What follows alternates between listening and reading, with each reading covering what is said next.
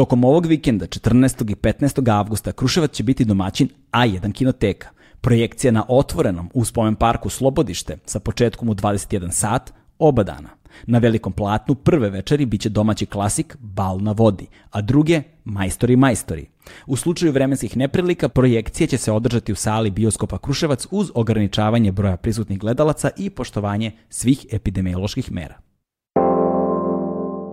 a da predstavimo našu a, gošću za danas. U pitanju je a, devojka koja se proslavila, barem kada je Beogradska ulična umetnost u pitanju, svojim stensilima i svojim grafitima ranih 2000. godina i bila je poznata i ostala poznata pod svojim pseudonimom TKV, TKV, kasnije poznatija kao D kraljica Vila, koja je dugo čuvala svoju anonimnost i godinama nismo znali koji je njen identitet, ali je definitivno obeležila duh grada jednog vremena i nastavila je to da radi, evoluirala je kao likovna umetnica, naravno sa o, svoje osnove umet, ulične umetnosti na galerijsku i na razne druge, druge, na razne druge vidove a, likovnog stvaranja i to je ono čemu će, nam biti glavna tema. Njen život, njena karijera, a, ulična umetnost i evolucija ulične umetnosti u 21. veku. Hvala vam puno i uživajte u našoj sledećoj gosti, gošći TKV.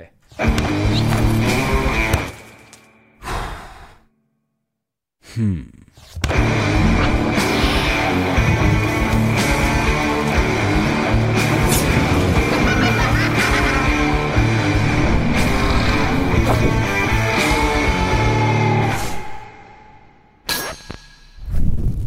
Ćao. Reci, reci, reci. reci.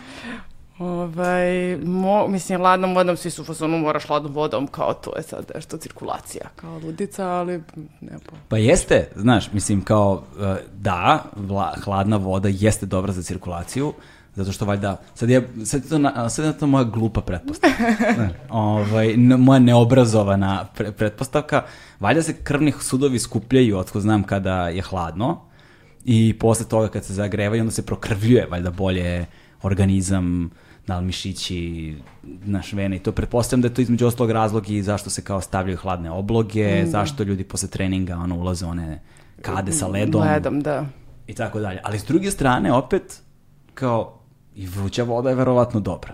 Pa 100%. Mislim, Mislim zašto, zašto saune postoje? Da, meni, ja, meni ja u stvari više volim, nemam pojma, možda je to da čovjek, mislim da svakog različito. Ne, meni ta sauna, ja se samo se ovako sve se oko opusti. Znaš, Ono, Da. sve mi je, i kad imam tako neke grčeve i nemam pojma, ukočim se, nešto samo toplo. Mm. Donala sam bila iz Japana, one, ono što ono kao, za, samo ga malo promućkaš i ono greje. Kao ovako izgledaju kao gaze neki, mislim nisu, samo su kao, i unutra imaju neki, nešto, nešto u zrnu. Mhm. I c- otvorila sam jedan da im šta je to. Unutra nekako crni pesak izgleda i ovako ga malo samo razdrmaš i on ovako krene da greje.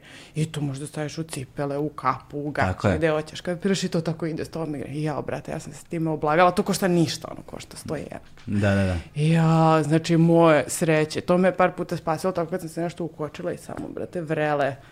Na leđa, a? Da, da. Ovaj, znam to, ja sam, uh, mislim, nisam ih kao u Japanu video, ovaj, nego ovde to koriste kad sam bio na, kur, na, na kursu Gorske službe spasavanja, ovaj, onda su oni imali te fore, pošto smo bili po celu noć, uh, to bude na zimu naravno, ono, sneg do ovde, razumeš, i ti si celu noć na polju, ceo dan, celu noć, dan za danom, bez spavanja, i onda je strava fora, to su koristili i stave u rukavice Pa to. da stave rukavice i onda greju, znaš, ima tih. Sad nemam pojma koja je to hemijska ono, fora. Nemam nija pojma. Mislim, ne znam, vola, ako to ima ovde, daj da kupimo. Ono, ja Ima? sam... Pa, Samo ne znam gde se pa kupuje. pitaj, brate. A ostavit će neku komentariju 100%, razumeš?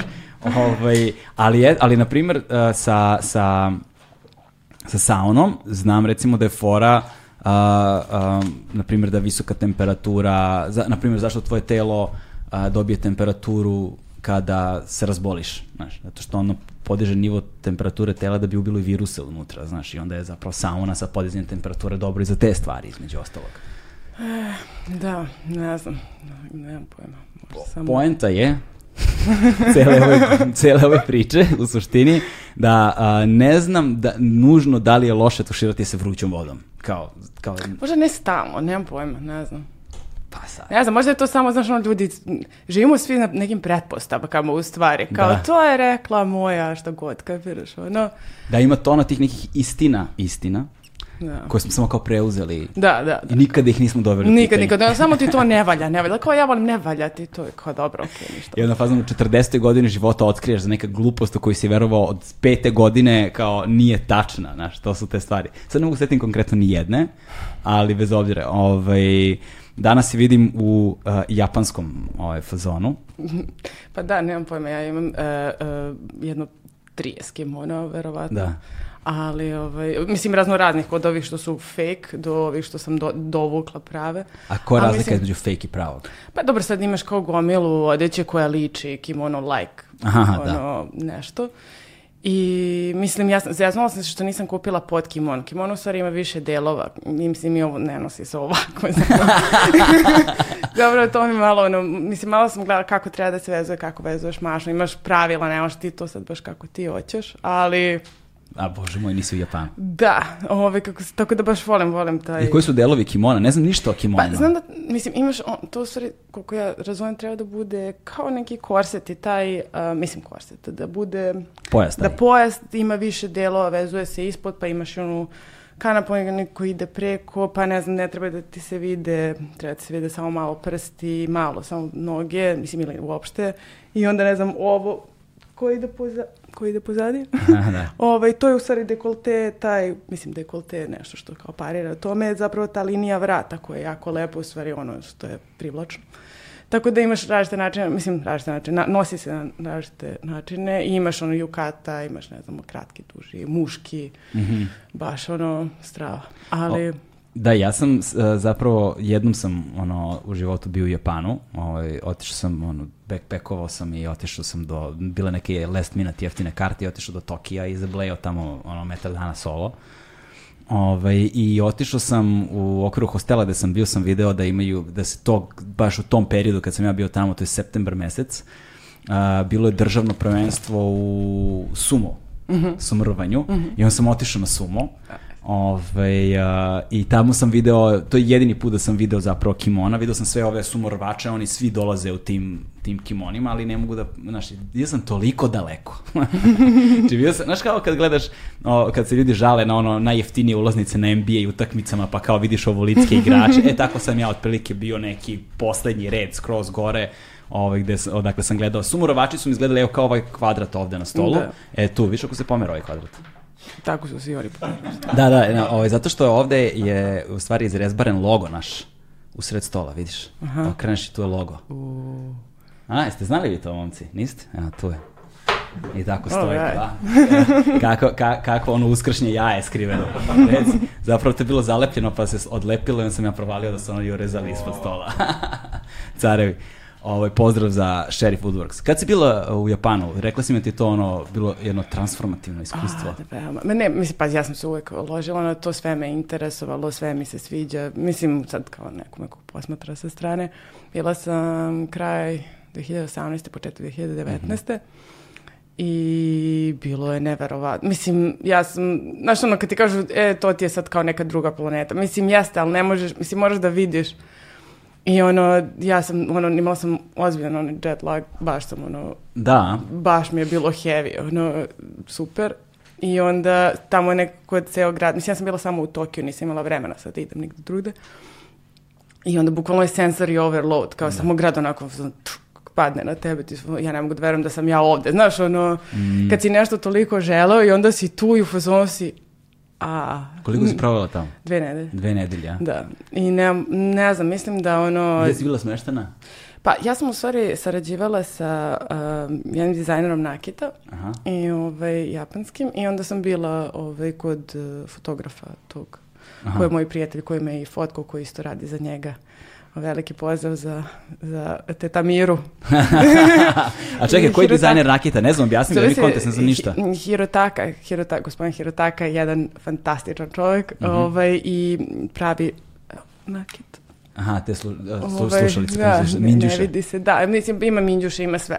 Mhm. Ali je to vrlo onako jedan delikatan, lep, ne, mislim nežan, jedan vrlo sveden dizajn i on je tako inspirisan nekim bubama i čudima i mislim ono baš je umetnik. Aha, kako si ga našla? Pa on je, mislim, Alex koji radi za njega kao fotograf me šest mjeseci pre nego što sam ja otišla, smo se fotkali ovdje. Aha. njima trebaju kao nek, neobični modeli, zato što je sam brend jako čudan i svi modeli su im ne, nešto su off, nisu samo kao neke prelepe ribe, nego imaju nešto. I, ovaj, I onda je bilo ono, ja, ko hoćeš tebe da fotkamo? I onda je to bilo jako smiješno, kapiraš. Ono, mislim, super je što smo, ja sam kao crtala te e, neke njihove prošle modele, a oni su mene snimali onda kako ja to radim i posle imali studijsko snimanje, da sam bilo ono, šta sad rekao, ono Bill Murray u Lost in Translation s onim viskijem, kao. Znaš, kao, to to, kao? Ali mnogo je lepo. Bilo, mislim, i Alex je fantastičan fotograf i nekako ume to, znaš, ume da izvuče to iz tebe, a i nekako ja sam bila u fazonu, wow, ono mi je strava. I onda smo odlučili da isto to uradimo samo u Tokiju. I to je bilo super. Onda sam, mislim, i radila sam i tako sam se šetala naokolo. Onda sam bila u fazonu šta sad, mislim, ne mogu ja sad da odem u Kyoto i da plačem, ono, dva dana da ne mogu da vidim ništa. Mislim, ne mogu da stignem. I onda kao bolje sedi ti u Tokiju i gled, ono, vidi što više tu. Jeste, jeste, definitivno, ono, Tokio je, mislim, od 20 miliona stanovnika, fazon grad, i- ima ceo, ono, još i podzemne železnice, one kolike su im, to je i grad ispod grada, doslovno.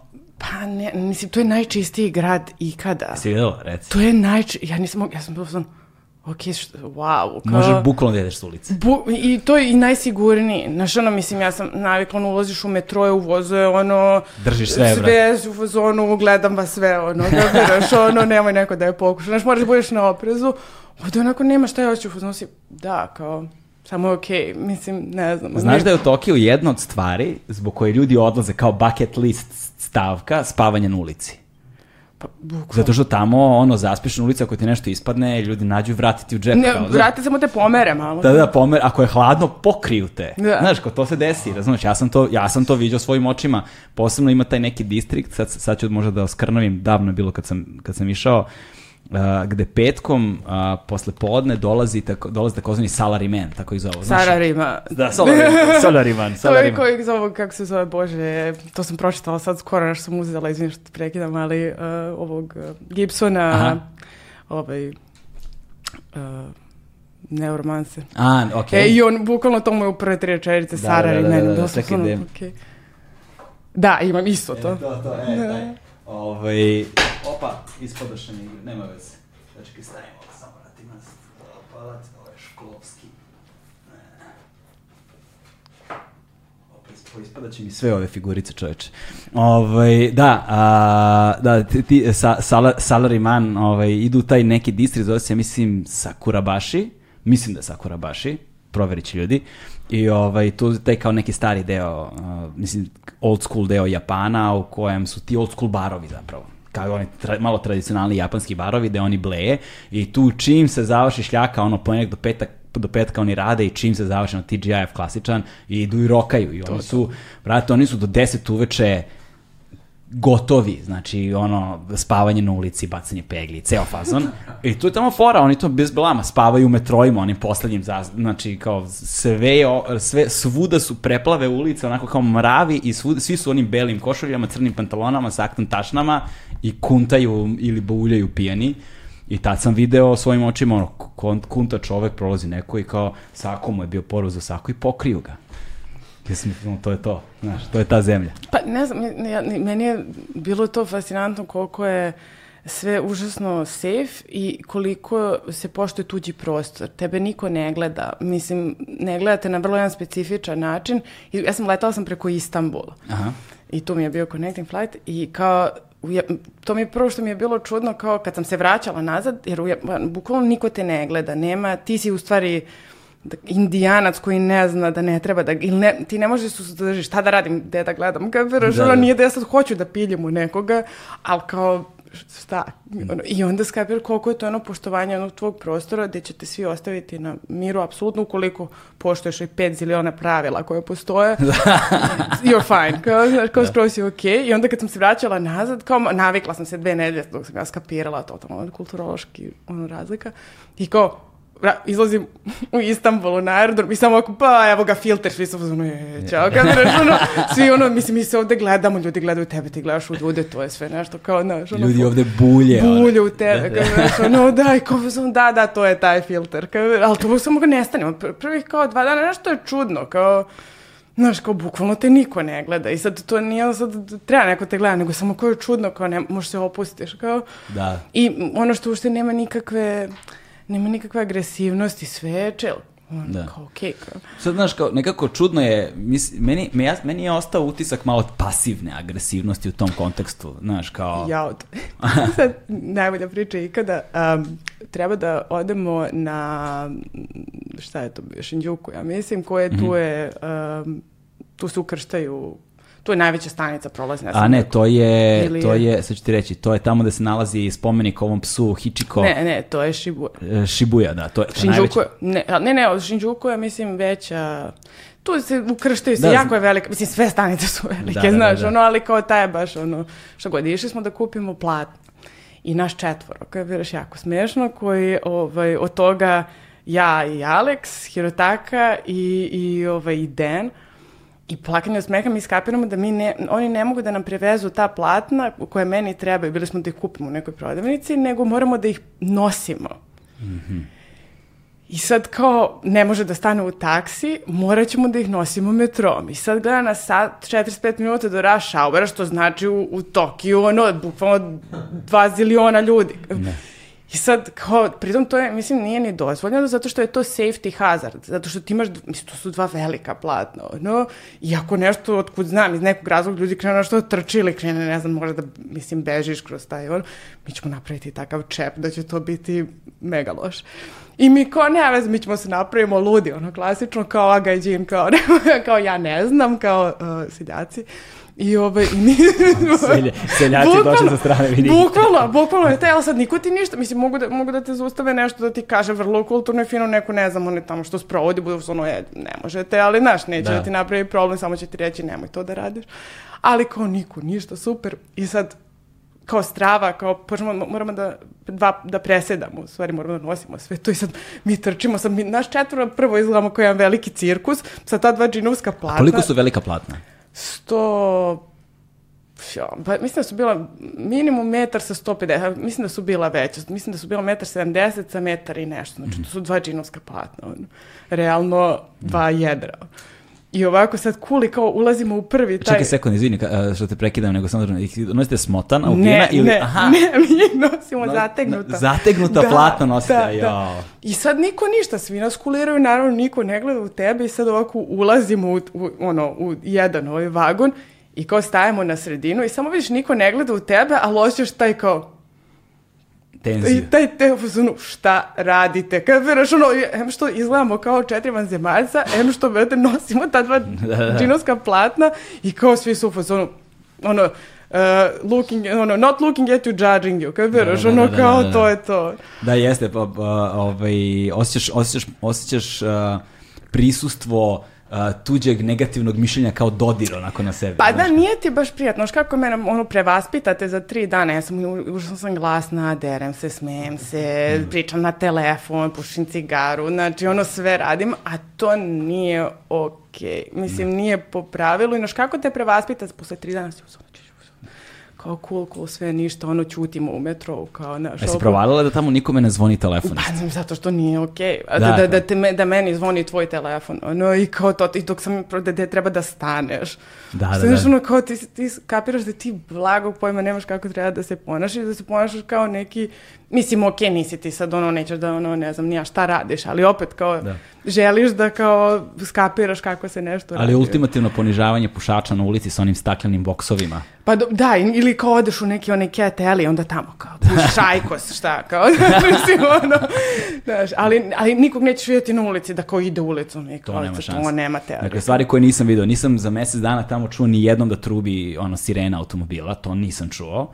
Ovaj, nisam ni jednom čuo da nekome zvoni mobilni telefon, to isto nisam čuo. Ni, niti jedan je, svude ono na staklima, u metrou, u restoranima, svuda stoji ono mobilni telefon kao zvoni i precrtano i to je to. Ovaj, ali na šta sam, na šta sam, na primjer, ja, šta mi je bilo strašno čudno, da su mi tamo objasnili u čemu je fora. A1 je prvi prijatelj audio izdanja Agelast podcasta.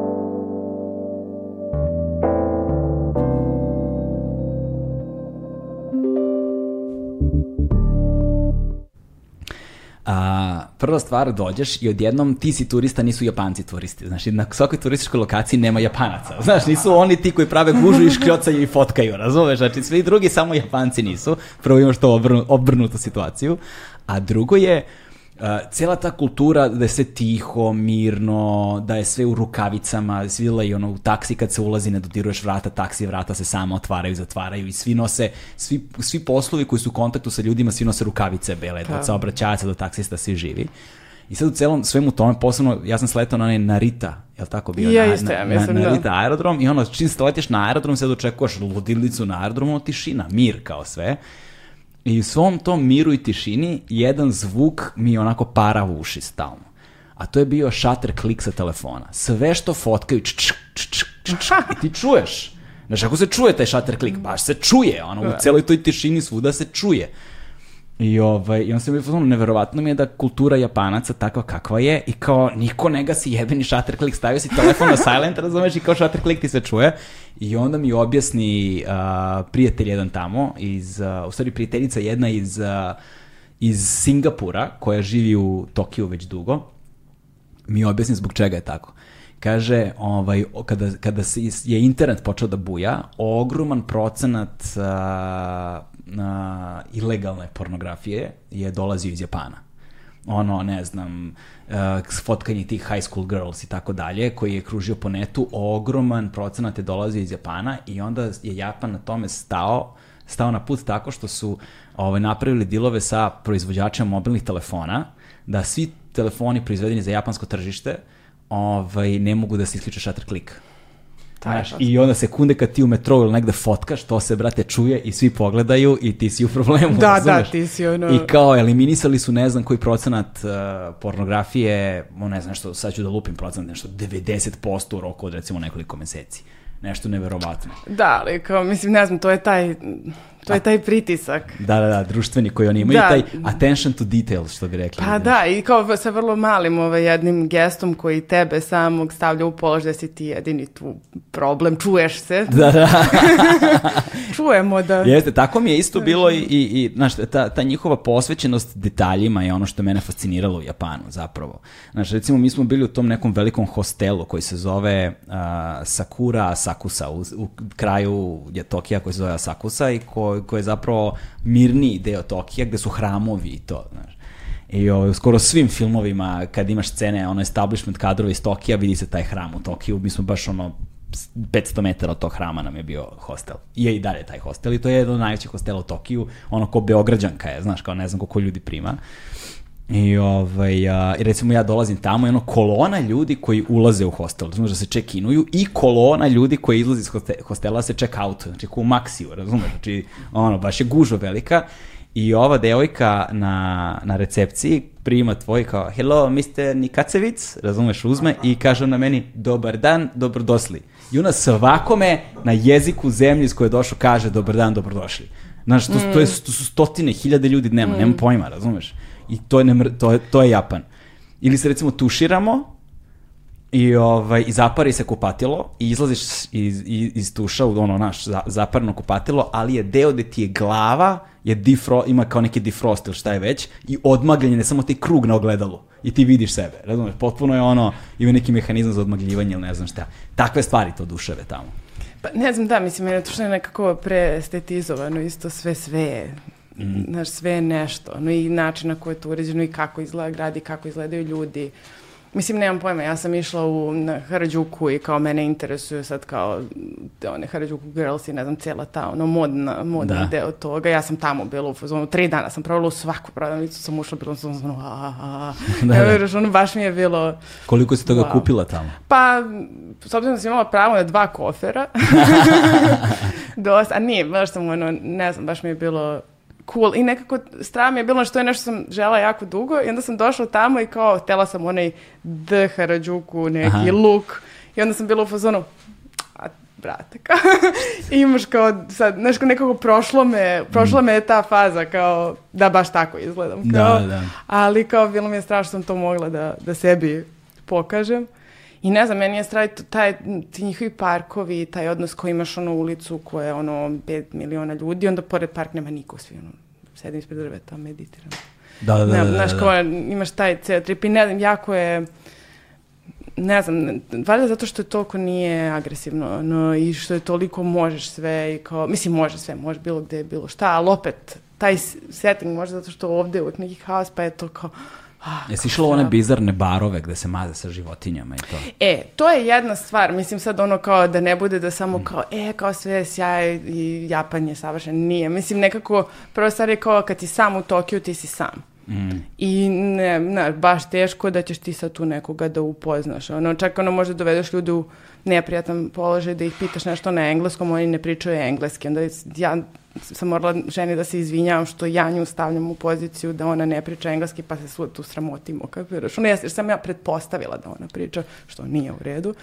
I, ovaj, a s druge strane to je isto bilo to, znači neću sebi to oprostiti. Kad, nikada ušla sam u Al kafe. Owl bar, da, bio sam ja, ono, da. Mislim, ne znam, ne znam što, zašto sam to uradila, tu podrumu, to je podrum. Aha, ja nisam, ja nisam bio u podrumu, ima, ima ih puno. Ima ih da, puno, naravno da, da. taj u koji sam ja nažalost zalutala, mislim, bila sam u zonu, e, kao sove, kao strav.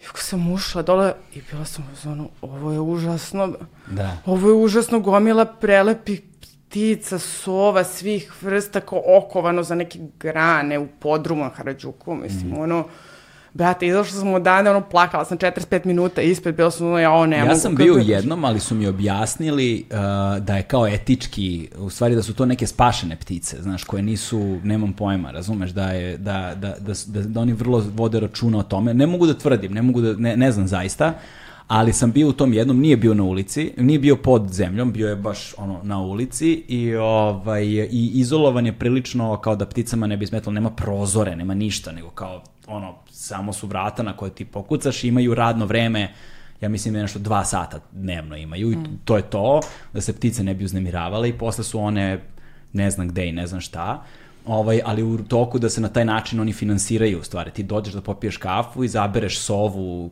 koju god želiš i on ti donesu i kao maziš sovu, nemam pojma, one vole da se, imaju neke male Da, da, koje da, vole da, da, se maze, da. što najizmenično zatvaraju oči kad ih maziš kao da tripuju, razumeš?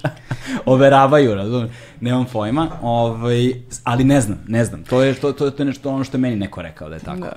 Pa ne znam, mislim, ja nisam ni pitala, meni je pozlilo. Ono, ja sam, Da. baš sam, baš sam imala taj kao, e, e, znaš, kao mi, mislim, kogo, neka su i spašene ptice koje sad tu, što sad ja platim, ne znam koliko i onda, mislim, neke smiješ da maziš, neke ne smiješ da maziš, Da. ali svejedno, koliko to je, to je veličine malo duže od ove sobe Da. i ono je tu tako ono ptic, ptica koja bi trebalo, mislim neka i ne može da leti, nemam pojma, bude u nečemu što nije Mm. soba jedna, mislim baš je ono heavy, ja sam bila ono, ovo je užasno, ovo je samo užasno i kao Mm. nisam uopšte mogla, nisam ni tako ove, kao evo kao možete da mazite, rekao ma beži, ono, Imaju pusti tako barove, ne znam, sa mačkama, sa gušterima i Da, zmijama, imaju ono, svašta nešto, potpuno su ludi. Pa da i taj kontakt, kao da Mm. imaš kontakt kao sa, ne, pretpostavljam da nema jako puno ljudi koji imaju kao ono pet, pošto im, kao im, im malo prostora Mm. za život. Ali da, kao, mislim, videla sam jednu kao reklamu, ono doživlja neku katarzu, kao a, mačka, kad vidiš kao do strava, kao imaš Mm. Jesi- kontakt. Ove, I to je što si rekla za Tokio, apsolutna istina, ono, ako si, ako si sama tamo, osuđena si manje više sama na sebe, ono, ovaj, jedino, ja sam upoznao, dakle ja sam se u hostelu upoznao s tom nekom ekipom uglavnom iz uh, Singapura i to iz Malezije i ne znam koji su bili u hostelu i onda sam se s njima zgotivio, a oni su stalno u Tokiju i onda su me oni vodali ovu naokolo uglavnom. Ovaj, ali recimo u tom, ja mislim da je, ja mislim da je Shinbashi taj distrikt. Hm, ja što sam rekao Sakurabashi, a ovo je Shinbashi, mislim da je Shinbashi se zove, taj gde su salarymen, Shinbashi. Ja, sad je, znaš, provalit će već ljudi.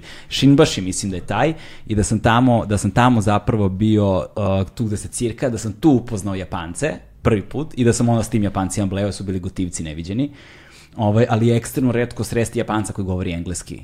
Dovoljno dobro, suvislo da možete da komunicirate i da razmenite neke informacije. Baš je teško meni bilo. Pa ne znam, ja sam upoznala više ljudi koji su ono pričali engleski Da. najnormalnije, čak sam, otišla sam, išla sam u neki u stvari muzej koji je kao muzej do perioda i baš bukvalno kao rekreirano i ono vodite sad u krug. I kad dođeš, mislim, ulaz je nešto smešno, tipa 5 eura, kad baš ogroman prelep muzej.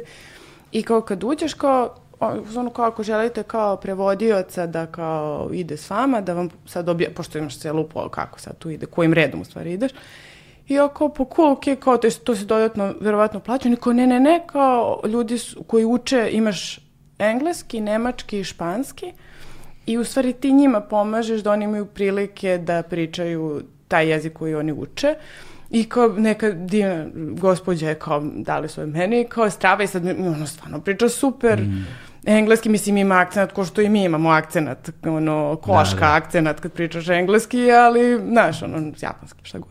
I ona se meni 200 puta izvinjavala što ona ne priča dovoljno dobro engleski. Rekao, aman, ono, stvarno, stvarno, verujte mi, ma, evo, majke mi, kao, stvarno je strava. I oni su kao, dobro, kao, hvala puno. I baš onako, i kad hoću, znaš, na taj način da, mi smo navikli jedan drugačiji način da nekome pokažeš da ti je stalo mm. i da poštuješ tu osobu i kao imamo potpuno drugačiju razmenu emocija, a ovde postoji jedan vrlo onako, što, mislim, meni je to čak i negde lepše zato što je iskrenije, jer stvarno onda je kao imam, imaš utisak da je neko jako zahvalan za to nešto. Mm. Mislim, neka je to i nekad verovatno možda bude iz nekakve obaveze da to uradiš, da. ali svejedno kao pokušaš da komunicira. Jeste, imaju negde da, ogromnu kulturu zahvalnosti. Da. Ovaj, ali A poštovanje. On, da, ali ona izaziva gomilu neprijatnih situacija. Tako je. Baš gomilu neprijatnih situacija, posebno kad dolazi do toga ono Lost in Translation, znaš, ono, to je baš savršen naziv za film, za taj film. Ovaj, a, na primer, a, to sam na teži način naučio, kad ja sam, pošto sam bio sam, jel ti lutao tamo, ono, ideš okolo i lutaš, da pokušavaš nešto da nađeš, jebi ga, veliki je Tokio, znaš, baš je, baš je veliki, i ne isplati se baš mnogo ono šetati od bloka do bloka stvarno. Ovaj, I tako naletiš na nekoga, pitaš za, za smer, kao ge, gde treba, kako da dođem do ovoga do onoga. I ja sam tad skapirao da moraš da pitaš tri osobe pre nego što se odlučiš za smer u kojem ideš. Jer Japancima bude toliko neprijatno da ne znaju, ti oni kažu pogrešan smer, samo da bi se oslobodili te situacije. Znaš, neće ti reći ne znam, nego će ti pokazati pogrešan smer. I to pa, sam naučio na teži način. ne znam, ono, ne, pa, dobro, ja sam bila sa Aleksom, a Aleksa, on ipak zna gde idemo, pa onda mislim, posle kad sam se sama šetala, onda ti je već postane ti jasno, ali nema pojma, kažem ti, meni je više tako da ne dovodiš nekakvu neprijatnu situaciju, kao ne. i, ali mislim, i nije baš uvek tako, ljudi stvarno hoće da ti pomognu, da, da, i ako uspeš da se objasniš šta je to što ti tražiš, nekako će ti, ne znam šta sam na ne znam šta sam tražila, ne, htela sam da kupim peškir ili tako nešto, znači neku glupost. Čovjek je meni objašnjavao u ovoj prodavnici imate ovo, u ovoj prodavnici imate ovo, to je neki veliki kao shopping mall Midtown. Da. I kao, znaš, kao vrlo onako detaljno, pa kao je zvao drug, gde još ima peškira, kao. Znaš, i kao, ima i ona ranja, kao, znaš, Da, da, da. Ja sam tako pokušavao da nađem Girov restoran. Aha, cool, da, i da. evo te pola dana niko da mi objasni gde se Giro nalazi. Ja sam se bukvalno vrteo 100 metara oko Gira, a on je, on je zapravo u podzemnom prolazu Ginzo station, taj mm -hmm. Ginzo stanica tamo kod onog distrikta Kihabara gde su kompjuterske igrice i to sve, tu dole jebote, ja sam dva i po sata oko tog podzemnog prolaza, nikako da mi neko kaže dole, brate, siđi jednoga tamo, strašno je. To, tako sam imao to iskustvo. Mislim, otko znam, možda je to moje specifično iskustvo, možda nije tako generalno, Pa dobro, mi pričamo o sobstvenim doživljajima, mislim, da. si, to je mnogo kompleksnije nego što se čini A. i sad kao, ok, mislim, ja sam fascinirana time, mene se sve sviđa u vezi toga, mislim, koliko može da mi se sviđa, mislim, pretpostavljam da kad si japanac, ako ti ne odgovara ta vrlo striktna hjerarhija i način na koji ti moraš nešto da uradiš u životu, e, onda je to već malo zeznuto. I mislim, nekako ono, upoznala sam i neke ljude koji su otišli iz Japana, a ne mogu ni ovde, mislim ni ovde u Evropi da se uklope zato što su Japanci, da. a ne mogu da budu ni u Japanu zato što ne mogu da pristanu na te takve stroge mm -hmm. ono, očekivanja da tvoj život treba da ide u tom smeru. Ono. A opet, mislim, ja ne znam, ne razumem, ali Znaš, ono, kao dobro je da odeš da vidiš, da kao iskusiš kao kako je dru, druga kultura, ali toko različita kultura. Da. Mislim... Da, to je zeznuto baš, zato što jeste, i meni, meni je recimo isto tako bilo još jedna, evo još jednu stvar ću pomenem, nećemo više. Ovaj, a, um, a, na primjer, ja sam baš želao da idem one tradicionalne onsenove njihove. A ja sam bio. E, ja ne mogu jer sam destetoviran. E, pa dobro, ali sad imaš i, imaš i mixed kao. Pa da, imaju kao te neke modernije, da. ali ovi baš traditional, da. znaš, kao tamo te ne puštaju. Ja, e, ali ne, meni je taj onsen Ali to bio... sam skapirao na ulazu. Znači, ja da, sam otišao do tamo i samo su im pokazali ovako i kao, o, o, ne pa može. Da. Nisam znao, brate, nemam pojma. Pa kako, to, to je, brate, ono, užasno veliki tabu. Ono, znaš, neko dečka ko, koji u Japance tovira, on je ono u nekoj ilegali tamo, ima svoj studio, kao da ne znam šta radi, kao, znaš, ono, baš je heavy, ali to je prva stvar koju, kad dođeš, on se pitaju, kao ako imate tetovaže, kao, mora, mora, ako ne kažete sad ovde da imate tetovaže, ako vas vidimo tamo da imate, morat ćete da izađete, stvarno, nemojte. Kao. Da. Ali je meni to bilo prelepo, ta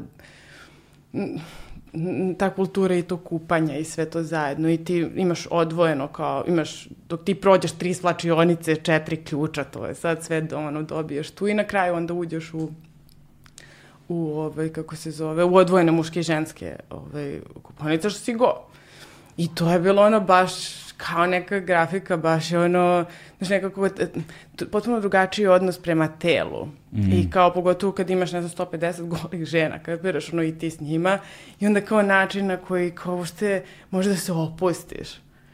I kao to mi je bilo toliko, mislim, pre, pored sve, vrele vode, kao i gomila kanti s vrelim vodom, ono, strava, ali kao način na koji, kako, kako se percipira telo, pogotovo Ja. golo žensko telo, ono, se uzmano, wow, kao kad bi mogli ovako da se opustimo, kao, mislim na taj način kao u javnom kao nekom prostoru. I pritom te kao- niko ne posmatra. ne, ne, ne. Da, da, kao, ne daj Bože. kao- ne, ne, ne, kao da ti možeš da kao uči, mislim, znaš, kao bilo od ono žena, starijih baba i ono do ono dve drugarice do mama sa de- decom i kao da ti učiš da je to skoro, skoro, ok, sve je super, kad nemaš taj pritisak kretenski, kad koji ima. Mm. Da, ali imaju i oni neki, ja ne znam sad šta je to, sad da će vjerojatno ljudi se smeju, ali ja to nisam nikad vidio kad sam, otišao sam na kraju u, negde u Tokiju u gradu na, na taj neki kao miks gde mogu i turisti razno razni da uđu i onda sam bio tu, Ovaj, ali to nije to, znaš, nije to onaj tradicionalni onsen koji zapravo želiš da iskusiš kad odeš u Japan, ali bez obzira, znaš, on, ovaj više potiče na spa neki centar sa, sa tim japanskim elementima, ali sam video kao uh, bazenčići oni tamo imaju, da je, znaš, kao, ima neki kome ide struja u, u- kroz vodu.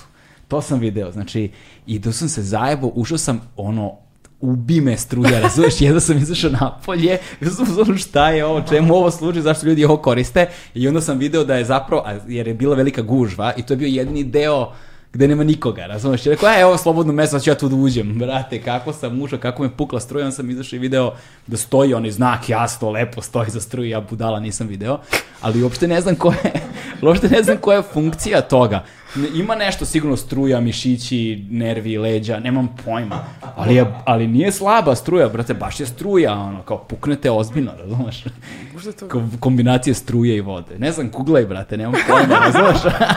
Evo koji smo ti, ja ono, Japan, dva idiota u Japanu, kao, bio sam tamo, video sam ono, kameraš, ono, znači stvarno, ono, ali dobro, naš, nemam drugačije, imaš svoje, je, je, Pa posle kad sam išao pa da- sam, ja se ništa nisam pripremio za odlazak u Japan. Pa ni ja Meni je bila ta last minute neka karta i ja sam otišao sam, uzeo backpack, otišao i ništa nisam organizovao sebi, nemam pojma, razumeš. Sleteo sam na aerodrom, nemam nikoga, ne znam ništa i samo kao šta sad da radim, razumeš, i kao uzeo sam voz i otišao do kraja i bio je taj distrikt Asakusa, ušao u hostel i čekinovao sam. Odnosno, hostel sam jedini našao tipa nekoliko dana ranije, drugar koji je bio u Japanu mi je preporučio i onda sam otišao u taj hostel i tu su me dočekali. To je to, sve ostalo Pa dobro, da, ono, kao jednog dana sam se probudio ovako, ustao, otišao, kupio kartu, otišao na aerodrom, seo i kao otišao u Japan, kao sledeća scena u Japanu sam. Znaš, kao poludeo sam jedan dan i kao bio zelo paket.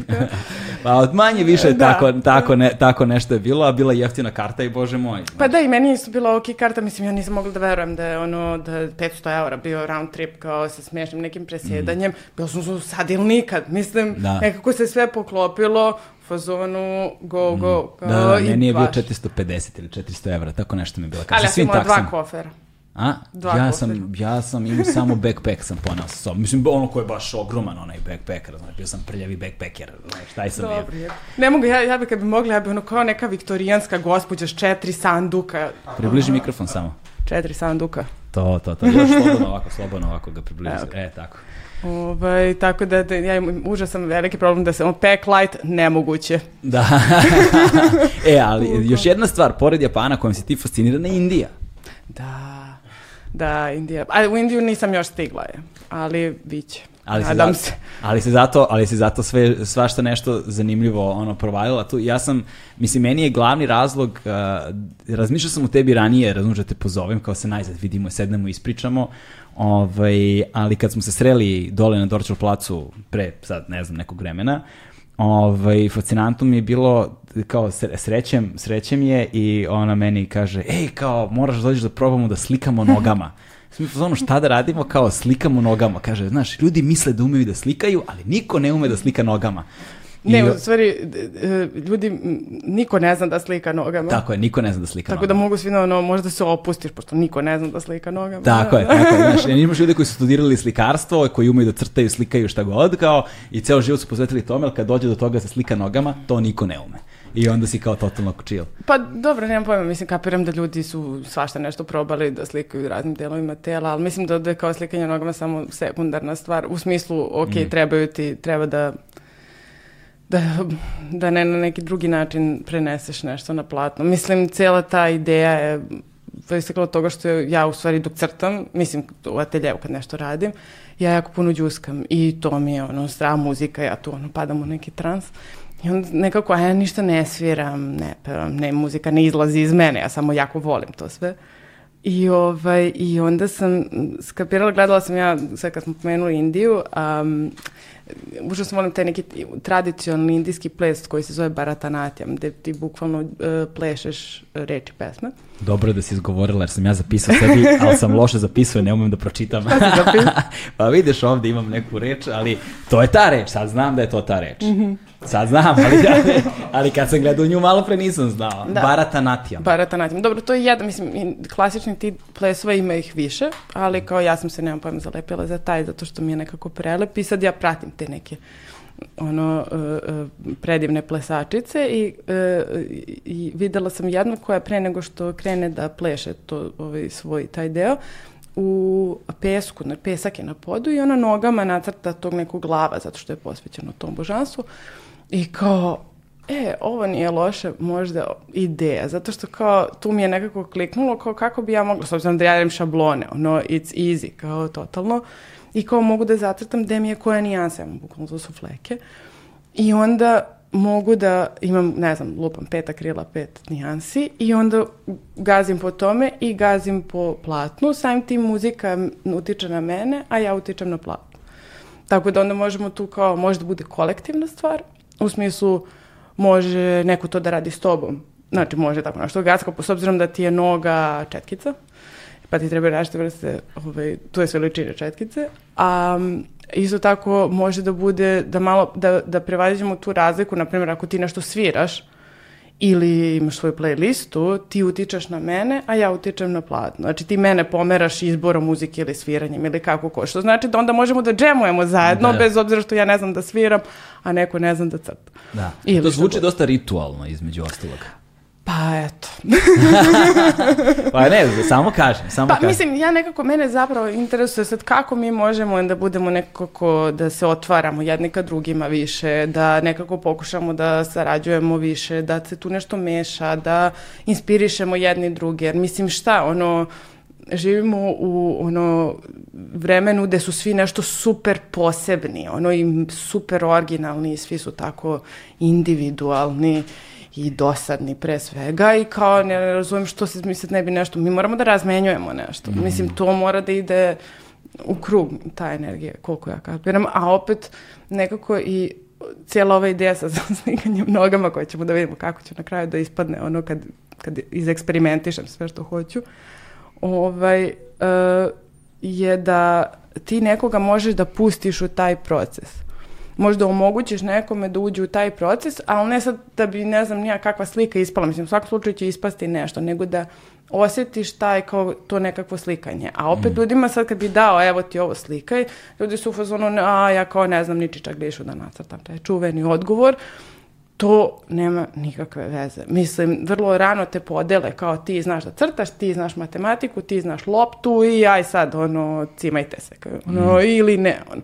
I ne ostavljaju nam prostora da zapravo te, te, na tebe, na bilo kakav kreativni izraz utiče na to kako se jedno ljudsko biće razvija. Mislim, dajemo brate, malo više prostora u glavi. Možda ne moraš da time da ti da se baviš ili da budeš ne znam nija koji slikar, ali će to u tebi nešto promeniti. I to je ono što mene takođe interesuje da vidim kako to utiče na ljude i kako to onda utiče na mene, jer onda omogućiš nekome da a opet to što ga niko ne zna da crta nogama, samim ti malo ih hakuješ jer moraju da se opuste, jer nije sad da kao evo ti ovaj sprej, mislim, to ne ide. Mm. Tako da onda, ako ništa drugo, barem može da bude antistres. Da.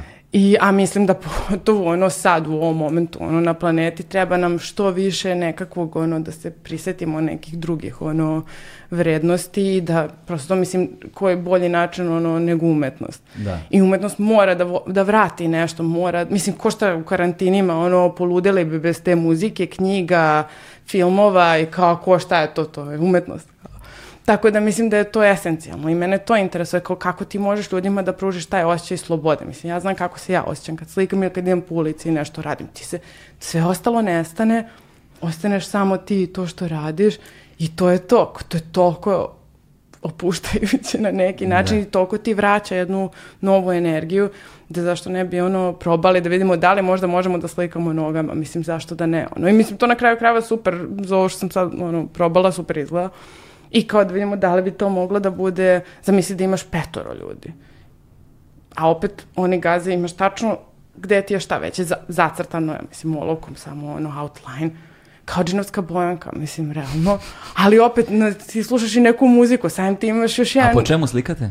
Pa platno. Pa na platnu, a? Da. Ko, kolika su ta platna? Pa nemam pojma, ono, ja sam, koliko su sve nešto su bila dva, dva puta 160 recimo. I onda pet ljudi, praktično morate se grlite na tom prostoru. Pa ne, treba da bude jako veliko platno, znaš, da. ono, to je stvar, ali mislim, ne znam ni ja, da viš, to je, znaš, dobro pitanje, kao i tehnički, kako neko, ono, reaguje, ali ja mislim, znaš, kako te prikujete, kako je za to što radiš i uopšte nema, nema pomeranja. I mislim, ja nije strava, ja prvu kad sam kao kao ova genijalna ideja će da bude isprobana i kao bila sam zonu, mislim, naj, ako ispadne bez veze, nikom ništa, kao ok, bar sam probala. Na pola gledam ono platno, rekao, nema ništa od ovoga. ono, dobra je bila to ideja. I onda sam se opustila. Aha. Znači, meni je trebalo ja sama sebe da savladam, da sad nisam ja kao, ja, ne izgleda dobro, ovo bit će sranje, kao, znaš, ono, nego da, ono, šta te boli, ovo samo opusti se. Ja sam tako pustila neku idiotsku muziku i kako sam, ono, sebi rekla, ma nema veze, tako sam samo pustila. Mm -hmm. I odjednom pojavilo se nešto što totalno ima smisla, ono. I to je stvar, da ti prevariš sebe i ti da se, ono, mislim sad, ono, iz mog ugleda kao, ne zapadneš u neki ono uh, uh, jedan te isti lup koji crtaš i jedan te isti stil. Mislim, stil se razvija, ali vrlo lako možeš ti tu da se usediš. E pa da bi izbegao to, moraš da uđeš u nešto što je potpuno ono drugačije od svega što si do tad radio. Zanimljivo mi je to što si rekla ma, na početku ovaj, da, da smo svi tako uh, posebni i dosadni, znaš. I, i, i, i, i to je nešto čemu baš dosta razmišljam poslednjih nekoliko godina, taj neki zaoštreni individualizam u kojem živimo, jer, u, u, a pritom u silnoj potrebi da se razlikuju ljudi su se uniformisali, znaš.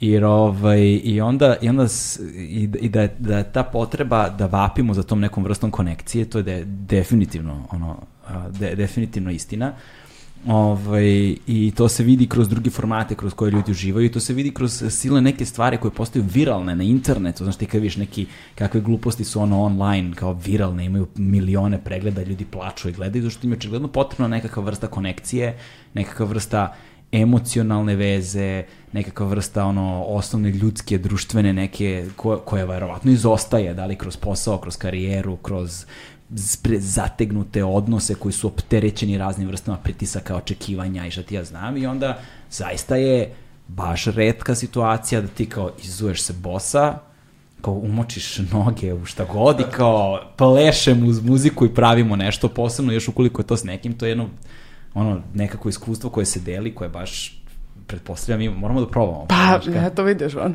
Može jedan kao live session. Kao, da vidimo kao kako se ti osjećaš. Da, pa mogli bismo to da uradimo. Pa ne, ali strava je, mislim, generalno, ne znam, ljudi valjda se plaše. Ja mislim da je to jedan jedini. Ljudi su postali maksimalno kukavice i onda kao, ok, kao sve ću da uradim samo da ne budem povređena na neki način. I ja mislim da to je i dobro, moment u kome živimo je takav.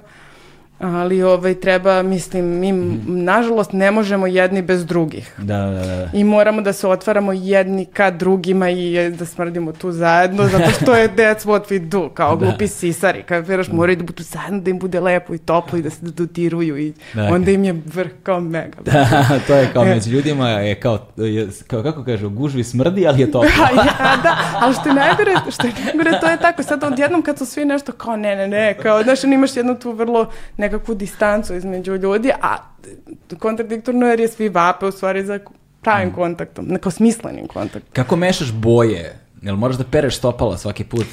Pa pazi, imaš peškir tu, o, a možeš i da odeš i da, ima, ovaj, o, možeš da opereš noge ponekad. Sve zavisi, ne, sve zavisi koja boja, ako je svetlina, kao može u tamniju, ako je obrnuto nije. I moraš da budeš strpljiv, moraš malo da čekaš da se osuši i tako to, ali je, mislim, ne znam, super je, zato što valjda, i to je ono, vratiš se u telo, telo te vuče, mora budeš prisutan tu, ne možeš mnogo da, mislim, odeš ti ono razmišljaš, ali nekako radiš, cijelo telo je angažovan. Tako da nemam pojma, ono, posle pedikir jedan košta, ali ono, znaš, kao vredi. Ili možda nosiš, brate, tu farbu na stopalima kao, kao festivalske narokvice, ono, tri meseca posle, dok A dobro. sama ne otpadne. Dobro na vodenoj, na vodenoj bazi je A tako da, da. to se spere posle prvog tuširanja, verovatno, nije Pa baš... da, ali ne, zanimljivo je, cool je, ono, mislim, drugačije, imaš kad veraš, zato što si u, u tome si stvarno, ono, i taj moment kad umočiš stopalo u farbu, ono, i sad to je sad kao cool. I, super izgleda što ima, kako ti sad se pomeraš, ono, kaplje se sad tvoje noge i ovaj, ostavlja neki drugi trag sad preko koji nije. Onda možeš malo kao ovako gaziti pa se malo pustiš pa kao malo ne... Mislim, ne znam, trip je samo kao pr- probaš da kako će da izgleda. Klizaš malo, Da. malo tapkaš, skakućeš. Da, ne znam, po- pokušala sam kao, do duše jako malo platno, da, da kao da im kao, da izljubiš, kao da imaš isto kao stencil deti, ali da je sve ono, kupila sam gomilu karmina i onda sam kao, Kad, bi- to je bilo bolno, kad bi ono nije, to više neću da radim, ali ovaj, ali Koliko je poljubaca trebalo da se ispuni platno? venti quattro mile baći. ali ovaj, da, da, ali dobro kao aj, znaš, kao da eksperimentišem, nemam pojma, mora, moraš nešto. No, mislim da bi onda mogla ovo što radim na ulici, onda mogu da vidim sad iz potpuno drugačije Google. Malo si se mrdno, sam si sebe negde poslao, da učiš nešto novo. Mislim, mislim ja da mogu, ono, ja bi otišla u, tu, u Indiju i sedela tamo, učila bi taj ples, ali mislim, to nije realno, mislim, pogotovo što sam, mislim, ne možeš to, moraš od malih nogu da učiš. Ali, znaš, kao gomilo neke stvari, sad kad bi mogla apsolutno samo svemu tome da se po, posjetim da naučim kao gomilu i da sviram nešto i da pravim, nemam pojma, keramiku i da sve to zajedno, ali pošto kao nemaš vremena u životu za sve tehnike, moraš da se fokusiraš na jednu stvar. Da, e sada, ka- na koji način ti ta iskustva novih stilova pomažu kada je ulična umetnost u pitanju? Pa samo odmoriš se, vidiš nešto, osjećaš nešto drugačije. Poenta je šta, šta je to što ti osjećaš na ulici. Mislim, šta to govori, kome govori, šta je to. Tako da ti treba malo da vidiš ono, da se odmoriš od toga što radiš, da staviš na ono hold, ali da radiš nešto drugo što će te onda staviti u poziciju da ovo prvo što radiš vidiš iz drugog ugla. Tako da nemam pojma, ono, mislim, samo je pitanje, ovaj, kako, kako ćeš to da izvedeš, šta je to što ti prija, mogla sam da odem i nemam pojma nešto, streličarstvo, ne znam, ono Da, kao, da. samo nešto da te izmesti. Jeste, da to osvetljavanje problema iz novog ugla je beskreno vredna stvar. Zato što nekako stvari koje su ti oduvek bile tu, prisutne, na koje se vremenom navikneš i izgubiš odnos prema njima. One su prosto tu i onda je potrebno da se nekako osveži taj originalni pogled. ono. Pa mislim da ne možeš ništa da shvataš zdravo za gotovo. Ljudi se uhvate za jednu stvar i onda kao eto to je to i tako to prolazi i dobro izgleda, ljudi to vole. Mislim treba malo da izađeš iz sopstvene komfort zone da bi napravio nešto novo. E sad ne znam, ono svako ima drugačije ono potrebe. Ali da, mislim, ne znam, ja ne bi poludela. Mislim, znaš, kao ti crtanje sprem, to ono, ne razmišljaš više o tome. Mislim, ja ne razmišljam više o tome. I onda kao postane ti malo, mislim, ne dosadno, ali kao... I nije ni samo to, vidiš drugačiju kombinaciju boja, da li ti, znaš, kao drugačija tema, nešto mora da se promeni, ono, mislim, ne znam. Hej, pa to će, to će sad biti zanimljiv deo razgovora, zato što bi trebalo da govorimo o vizualnoj, ono par excellence vizualnoj umetnosti, isključivo rečima, isključivo rečima da prenesemo, ali hajde sad možda, ja pretpostavljam, znaš, u svetu iz kojeg ja dolazim takvih nema, ali pretpostavimo da, da, da, da takvih ima, ovaj, ti, si, ti zapravo dolaziš iz ulične umetnosti prvenstveno i ja, ja te znam kao TKV, ono, kraljica Vila, jel te? Pre što je bila kraljica Vila, bila je samo TKV. Znao sam, dugo sam znao samo TKV. Ovaj, I ono, grafiti i stensili. To je, to je ono, bio moj prvi kontakt sa tvojom umetnošću i mnogih drugih. I ti si zapravo tamo ranih 2000-ih postala simbol Beograda. Znaš, ono, to je, to mi smo pričali i to je stvarno tako. To ono, svako ko kaže drugačije laže, apsolutno laže, znači tu nema govora. Ovaj, I meni je to bilo fascinantno zato što ja sam, jel te, kroz ono ljubav prema hip-hopu prvenstveno i kao četiri elementa hip-hopa, bla, crtanje grafita je bio jedan sastavnih elementa toga i o, zaista važna stvar u odrastanju svih nas. Ovaj, I bio je taj čuveni film na VHS-u koji smo izlizali, svi Style Wars, ili kako se već zvao. Ove, gde ono bilo ortaci nacrtaju, ono, to smo kasnije saznali su bomb, straw up, car, naš crtanje po vozovima i onda je, istagira se tu, potpiše se i onda taj voz ode kod onog njegovog rivala u kraj i kao, a mamu ti jebim, kao sad si ti vidio, znaš, sad sam ja došao kod tebe, kao, i onda je krenuo taj, jel te, Style Wars i ovaj, taj lettering, crtanje slova i šta ti ja znam i to smo svi negde pokušavali. Pošto smo prevazišli nivo crtanja znaka tehnokratije u sveskama, onda smo počeli da crtamo slova neka. Ovaj, I, i, ali kada sam prvi put uzeo sprej u ruke, skapirao sam da to uopšte nije tako jednostavno, kao što delo je, naš vremenom, verovatno koji sve tehnike navikne se čovek, ali uh, tad sam prvi put skapirao da je crtanje grafita zapravo nešto što nije niti jednostavno, zahteva posvećeno, zahteva vreme i zahteva, brate, da si konstantno na ulici. I onda su se pojavili ti neki likovi koji su meni obeležili detinjstvo, sad ja dajem mali kao svoj to na toga, obeležili detinjstvo uh, sa tim nekim grafitima, meni je glavna tačka za, za mene, pošto sam Svoždovca, ovaj, bio podzemni prolaz kod Franša i tamo onaj deo koji se vidi na autoputu, ovaj, gde je godinama stajao neki grafit, mislim da je Staff pisalo na njemu, da je on stajao kroz 90, ono godinama je tu bio, dok ga nisu pregazili posle 100 puta.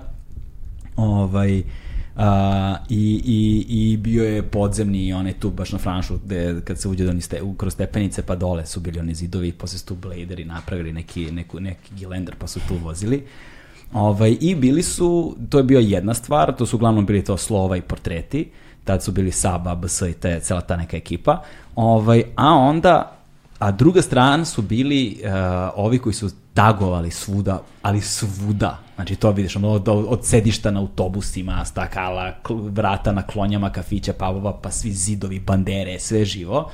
Ovaj, I u tom delu postoje dvoje crtača koji su meni bili ono ostali kao figure ovaj upamćeni kao simboli Beograda. Ovaj jedna si ti naravno, ovaj a pre tebe je to bio Zuba koji verovatno nije nikakav crtač, znaš, on je samo lud. Pozdrav za zubu, Pozdrav za zubu, za kralja Beograda, ovaj, kako se zove, pa da, ne znam, ono, ja kad sam počinjala, to je šta je to, 2004. Nije baš bilo, mislim nije tad, kad ljudima kažeš kao street art, kao to sad nešto, mislim i grafiti su bile, mislim, prisutni tu odavno, nije imao si to što ti kažeš ljude koji crtaju sve to kao da. što ide, ali nije trend stigao još bio, da. znaš, kao to je bilo nešto što ti je kao sad, kao ti nekome kažeš kao, e, ba, ja radim neki street art, pritom ja u tom trugu 16 godina, ne znam gde se nalazim, a nekakav street art, meni je samo to strava. Da. I kao samo bi da idem, ja sam se totalno pronašla u tome i kao ja tako idem i tripujem svoju priču. Kapiraš? A kako se to sve sad... desilo? Moj čale živi u Italiji 15 godina, ono, i ja sam bila u Rimu tamo i sad, pošto više naš, ono, čovjek ode na posao, ono, i Znaš, nije ti si tamo, nisi turista, znači živiš, mislim živiš na neki način tamo i on kao meni bilo dosadno, ja ono smoreni tinejdžer klasični i kao, me kao, pošto ne probaš ovo, kao. Ko ti kaže? Čale. I ja kao, aj, kao cool, kao dobro, izgleda bio u Rimu neki taj stan, kao tako, on je kao nešto tu bio svuda, ono. I Čale tu se to opao, bilo, no je vidi ovo kao baš je cool, što pa napravi ti nešto. I kao... Čekaj, Čale te nagovorio Čale, Čale. Da, to je bilo stvari njegova ideja, kao ono, Mislim, dobro, moji roditelji su vrlo onako prilično liberalni i ono dva pirata. Mislim, ljudi misle kao ti to nešto naučiš sa ulice. ja sam stvari naučila od njih jer su oni tako uvek su me ono, mislim, uvek sam bila nešto kreativna. Mm -hmm. I uvek sam kao tražila način nešto se izrazim. To je bilo podržano, bilo ono neka tebe tu, ono ti nešto tu stalno praviš. I onda valjda kako sam to otkrila, to me je, totalno je to bilo to. Kao imala sam ono, moment kao wow, kao meni se ovo baš radi. I napravila sam taj, ono, prve te šablone sam uradila po Rimu. I kao strava, ono A, ti baš... si prve u Rimu radila? Da. Nemoj da zezaš, nisam da. znao to, da, i? Da, da, i onda sam došla ovdje i pila sam u zonu, svi moramo ovo da radimo. Ajde, onda sam smarala ortakinje, kao, ajde, ajde, vidi kao cool je to, mi tako idemo i kao nešto, vidi kao da su, kao trip je, ono, kao, da. svi su bili u zonu, ajde, ajde, ali kao, to ti haluciniraš i kao strava, samo su svi bili u fazonu dobro. Ja tad nikom nisam znala drugo, kod crta niti me interesovalo realno. Me. Mm. Mislim, ja uopšte ne ti si kao nešto kao to hip-hop, ludnica, kao, mislim, ok, jasno mi je bilo da je to deo toga, naravno, ali ja, brate, ono, da, da, da. ja sam samo bila u svom tripu. I onda polako, kako sam tu krenula da upoznajem cijelu ovu ekipu ovde, I samo se to nastavilo, ali 2004. 2005. nije baš bilo mnogo to, kao nije bilo street art i da ono ni malo. Ali, znaš, kako stigne trend, tako ti je i sve, znaš, sad ljudi sve, sve znaju, prate, znaš, kao bitno im je, to je sad, ono estetika, ta se u stvari koristi jako puno i u komercijalne svrhe, tako da on. Da, dobro, pričat ćemo, pričat ćemo o toj evoluciji. Mene za sad zanimaju baš ono sami početci, razumeš to, jer, da. jer, jer s jedne strane, ono što je meni kod tebe bilo zanimljivo, što sam kod tebe zapravo video prvi put, ne tvrdim da si ti bila prva, ne znam, ali sam ja prvi put video kod tebe, a to je su upravo ti stensili Znaš, a, do, do tog trenutka, kad se kaže ulična umetnost, pretpostavljalo se uglavnom uzmeš sprej i crtaš grafit. That's it. Nema ništa drugo, treće, peto i bilo tu među kao crtačima je bilo tih nekih podela, ono, wild style, ne znam, uh, old school, uh, ili neko ko crta samo face, imaš te, samo portrete, rade, Karakter. ne rade, karaktere, ne rade slova i onda obično orta koji radi karaktere, ide sa ortakom koji radi slova i oni su ekipa, znaš. I to je bilo, i uglavnom su sve kombinacije bile unutar tog jednog jako uskog kruga. Street art nije izlazio van tog okvira, barem ne mnogo u tom trenutku. Pojavljivali su se tada, početkom 2000-ih su bili ti prvi neki crtači, to smo gledali, bio je neki sajt kao svetske, sve zemlje sveta, pa klikneš pa crtači u toj zemlji, kao forum neki, recimo grafiti je bio koji su svi gotivili i tu smo videli nekoliko tih prvih crtača, tu smo pričali Lumit, Dame, Nek su bili ti neki prvi, gde smo videli prvi put 3D to je kao bila fora, kao wow, vidi 3D slova, znaš, to je, znaš, kao rani ono, kako se zove, nije paintbrush neko, znaš, pa napraviš pa ima ona slova što ti idu kao screensaver, i odbija se od ekrane, da, to, da. to, to, to je bilo. Ovaj, ali, sa, ali sa tobom, kada sam video uh, TKV i ti si valjda crtala, je li to bila Amelija Pulen? Amelija Pulen, tu, mislim, on, to je bio prvi moj rad. Ovo, ovaj, jako je bilo zabavno, ali ja sam nekako sve radila kao ono što sam ja sam sad imao 16 godina, ne, ne, ono, bukvalno otkrivam sad ja stvari koje mene interesuju, onda sam tako radila, mislim, sasvim intuitivno stvari koje su mene zanimale, ono, nemam pojma, ono, radila sam, ne sjeća se, Fride Kahlo i, ne znam, Klimtovog poljubca, ovako malog, ono, da, tri. I kako, tako ja sam im, ono, imala svoje ono, interesovanje i kao meni je to bilo super, kao ja ću to sad tu da stavim i kao strava. I ljudi su ovdje to nešto, ono, ja uopšte nisam mogla da pretpostavim da će to nekome da postane bitno, mene da iko vidi, ja sam samo išla i kao strava. I onda isto tako je bio neki ju, forum I ko ne znam ko mi je poslao, e, kao vidite si topik, topik na forumu, mislim, ono šo. Ali onda su tu ljudi kao nešto, kao, e, da nije ovo, da nije ono, kao nešto su to sve, ono, kao pratili, fotkali, kao, Ja sam u jednom truku prala, brate, ovo stvarno neko vidi, kao ovo neko prati u stvari, a ja sam do tad ono u svom svetu ono miljama daleko, kapiraš mm. od svih ostalih i uopšte ne, ne, ne kapiram to tako. I onda ne znam, valjda kako sam se ja, to, to je ono klasično odrastanje, ti ono, zapravo je ta umetnost rasla kako sam ja mm -hmm. se menjala i to je strava, kao, mislim, I nekako uvek sam imala, mislim, moje polje rade prilično intimno, kao ja imam svoj neki, ono, tu džiri, kao to je to što ja radim, ono, nije mi, nikad nisam imala neku kao, e, jasna poruka, mislim, možda sam na par, ono, imala kao neki sad tu kao, mm -hmm. say no tu ne znam nija šta, ali kao u smislu da, da sam uvek bila nekako, htjela sam da to bude otvoreno. Jer onda ljudi to vide, onda oni to uzmu i, i to njima onda nešto znači. Oni u to utisnu neki svoj, ono, trip i onda se tu, to je, tu je u stvari, tu se dešava ta umetnost, da ti nešto uradiš, to neko vidi i to između što nije, ne može da se naplati, ne može da se ono, proda ili ne znam, ne može samo da se da.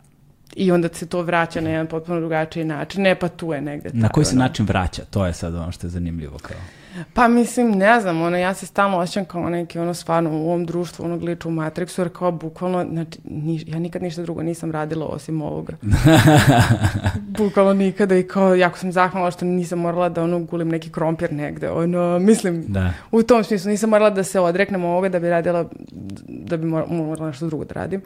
I, ovaj, I nekako mislim da kao ceo, ja sam se usmerila, ili se tako je bi ga dešavalo, da kao stalno su se pojavljivale neke situacije, ljudi otvarale su se, otvarale su se mogućnosti za mene da ja samo to dalje razvijem. I mislim, znaš, to sad ono, sad ima hiljadu jedna priča, kako, ono, kad misliš da je ono gotovo i onda se pojavi samo nešto i ono, Da. reši situaciju, kao zato što si nekako ti bio otvoren i ti si nešto dao. Na tih angažovanih ne pamtim puno, a, mislim, ne sećanje mi ne seže toliko daleko u prošlost, kada bi mi neko podsjetio, verovatno bi bio fazon, a da, jeste, to je bilo, ali sad ovako, ono, uh, na pamet mi padaju dva, kao angažovana, bila je pred neki Pride kad su najavili da će da tuku ovaj, paradu, pa su bili kao Batmani i Batmani i, i Robin ili Supermani, nešto su bili jedan na drugoj i bilo je čekamo vas, ili tako Ali nešto. to nisam ja. Nema veze, nego samo kao govorimo Aha, aha. o kao angažovanim, Da, kao da. porukama, stensilima, angažovanim, kao, koji, su bili, koji su šabloni, da su rađeni, bio to. I video sam ove Go Vegan Mm. svuda po gradu, ne znam ko to radi.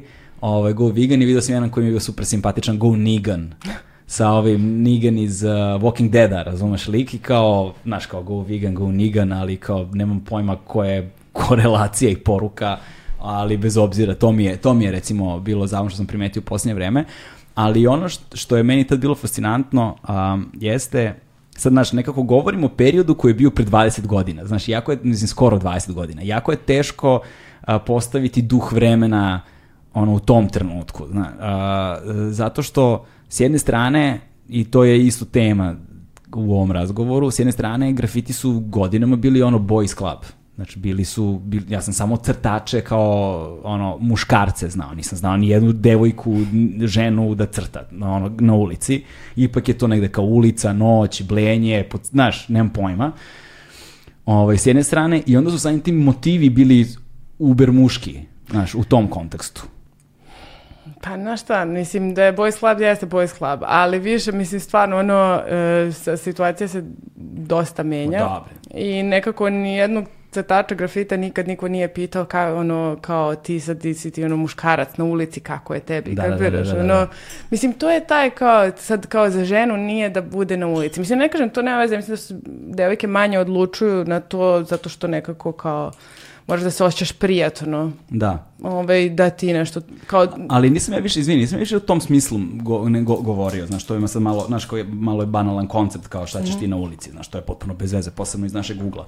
Nego sam mislio više na motive, znaš, nekako ti si crtala Amiliju Pulen, znaš, crtala si, a, šta si o, o, o drugo pomenula malo pre, um, evo, stavim. Fridu Kahlo. Fridu Kahlo, razumeš, znači, znaš, nijednog ortaka nisam vidio da je, to- da je to crtano. Znači, sami ti motivi su već odudarali dovoljno od svega što ti su u paleti u tom trenutku U pružalo. tom trenutku da, okej, da. Znaš, kao na taj način, to je već stilski je i iskakalo, ovaj, kao vidi ovo, mm, kao, znaš, neobično je, znaš, zato, zato što je neobično privučiti pažnju, ali Mm. Da. neobično u kontekstu onoga što viđaš, Da, da, da. s jedne strane.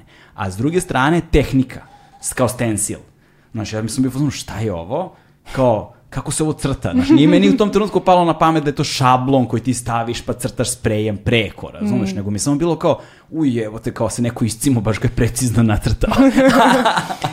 Pa, znaš kako, nemam pojma, ja, ne, ja nikad nisam u stvari znala da crtam i, ovaj, mislim, generalno uopšte, ne sprejem, nego, ne, ne znam, nikad mi to baš nešto nije išlo, kao, i nikad nisam ni volala to, kao sad ja nešto tu, kao, t- t- mene uvijek to smaralo, mislim, smaralo i niti sam ja baš toliko, ono, talentovana, ali ovaj, ovo mi je bilo super kad sam otkrila, zato što tu sam mogla da kolažiram. Onda, mislim, ja sam se interesovala tad, sam išla u grafičku školu za fotografiju mm -hmm. smer i kao fotografija mi je bila jako zanimljiva, uvek me je to interesovalo i ovo je sad neka kombinacija, ono, nekakve najjednostavnije štampe i neke fotografije i ti tu nešto kolažiraš i ok, treba i to tehnički da znaš kako da uradiš. Mm -hmm Ovaj, I onda mi je to bio super način, našla način kako da se izrazim, da ja u stvari napravim ono što ja hoću, ali u tehnici koja meni odgovara. I šabloni su mi tu ono legli, ono stvarno super.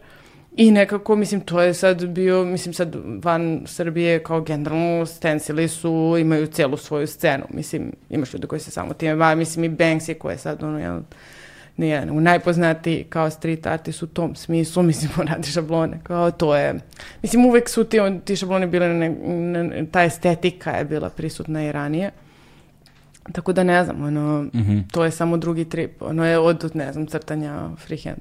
Da, e, ali ovaj, kod tog crtanja šablona, a ja si, da, da li mene pamćenje loše služi ili se ja sećam da pre nego što sam video zapravo šablone, sam video zapravo da su se bukvalno ono lepili da, papiri kao, ono, znaš, kao da imaš kao srolan crtež ili šta već i sečeno onako i kao na zidi ili četka i lepak i kao plako plakat ga lepa. Pa i jeste, to je bao paste upovi. Aha, paste up, da, to tako zove, nemam da, pojma. ja. kako se zove, pa da, zato što, mislim, pazi, ono ti stencila imaš, ne znam, pet nijansi, treba da vukljaš pet različitih šablona i da tu pasuješ, ono, u mraku, ono, i tako dalje. Mislim, ima fantastičnih ljudi, ja uz ono svaka čast, te kako si ga, ono, namontirao, ali nekad je lakše, imaš jako tanak papir, I onda uradiš na njemu i onda ga lepiš na okolo, možda digneš jako visoko, mm -hmm. znaš, ono ne čuješ se i tako dalje. Nema ali, Da, nema, nema mućkanja.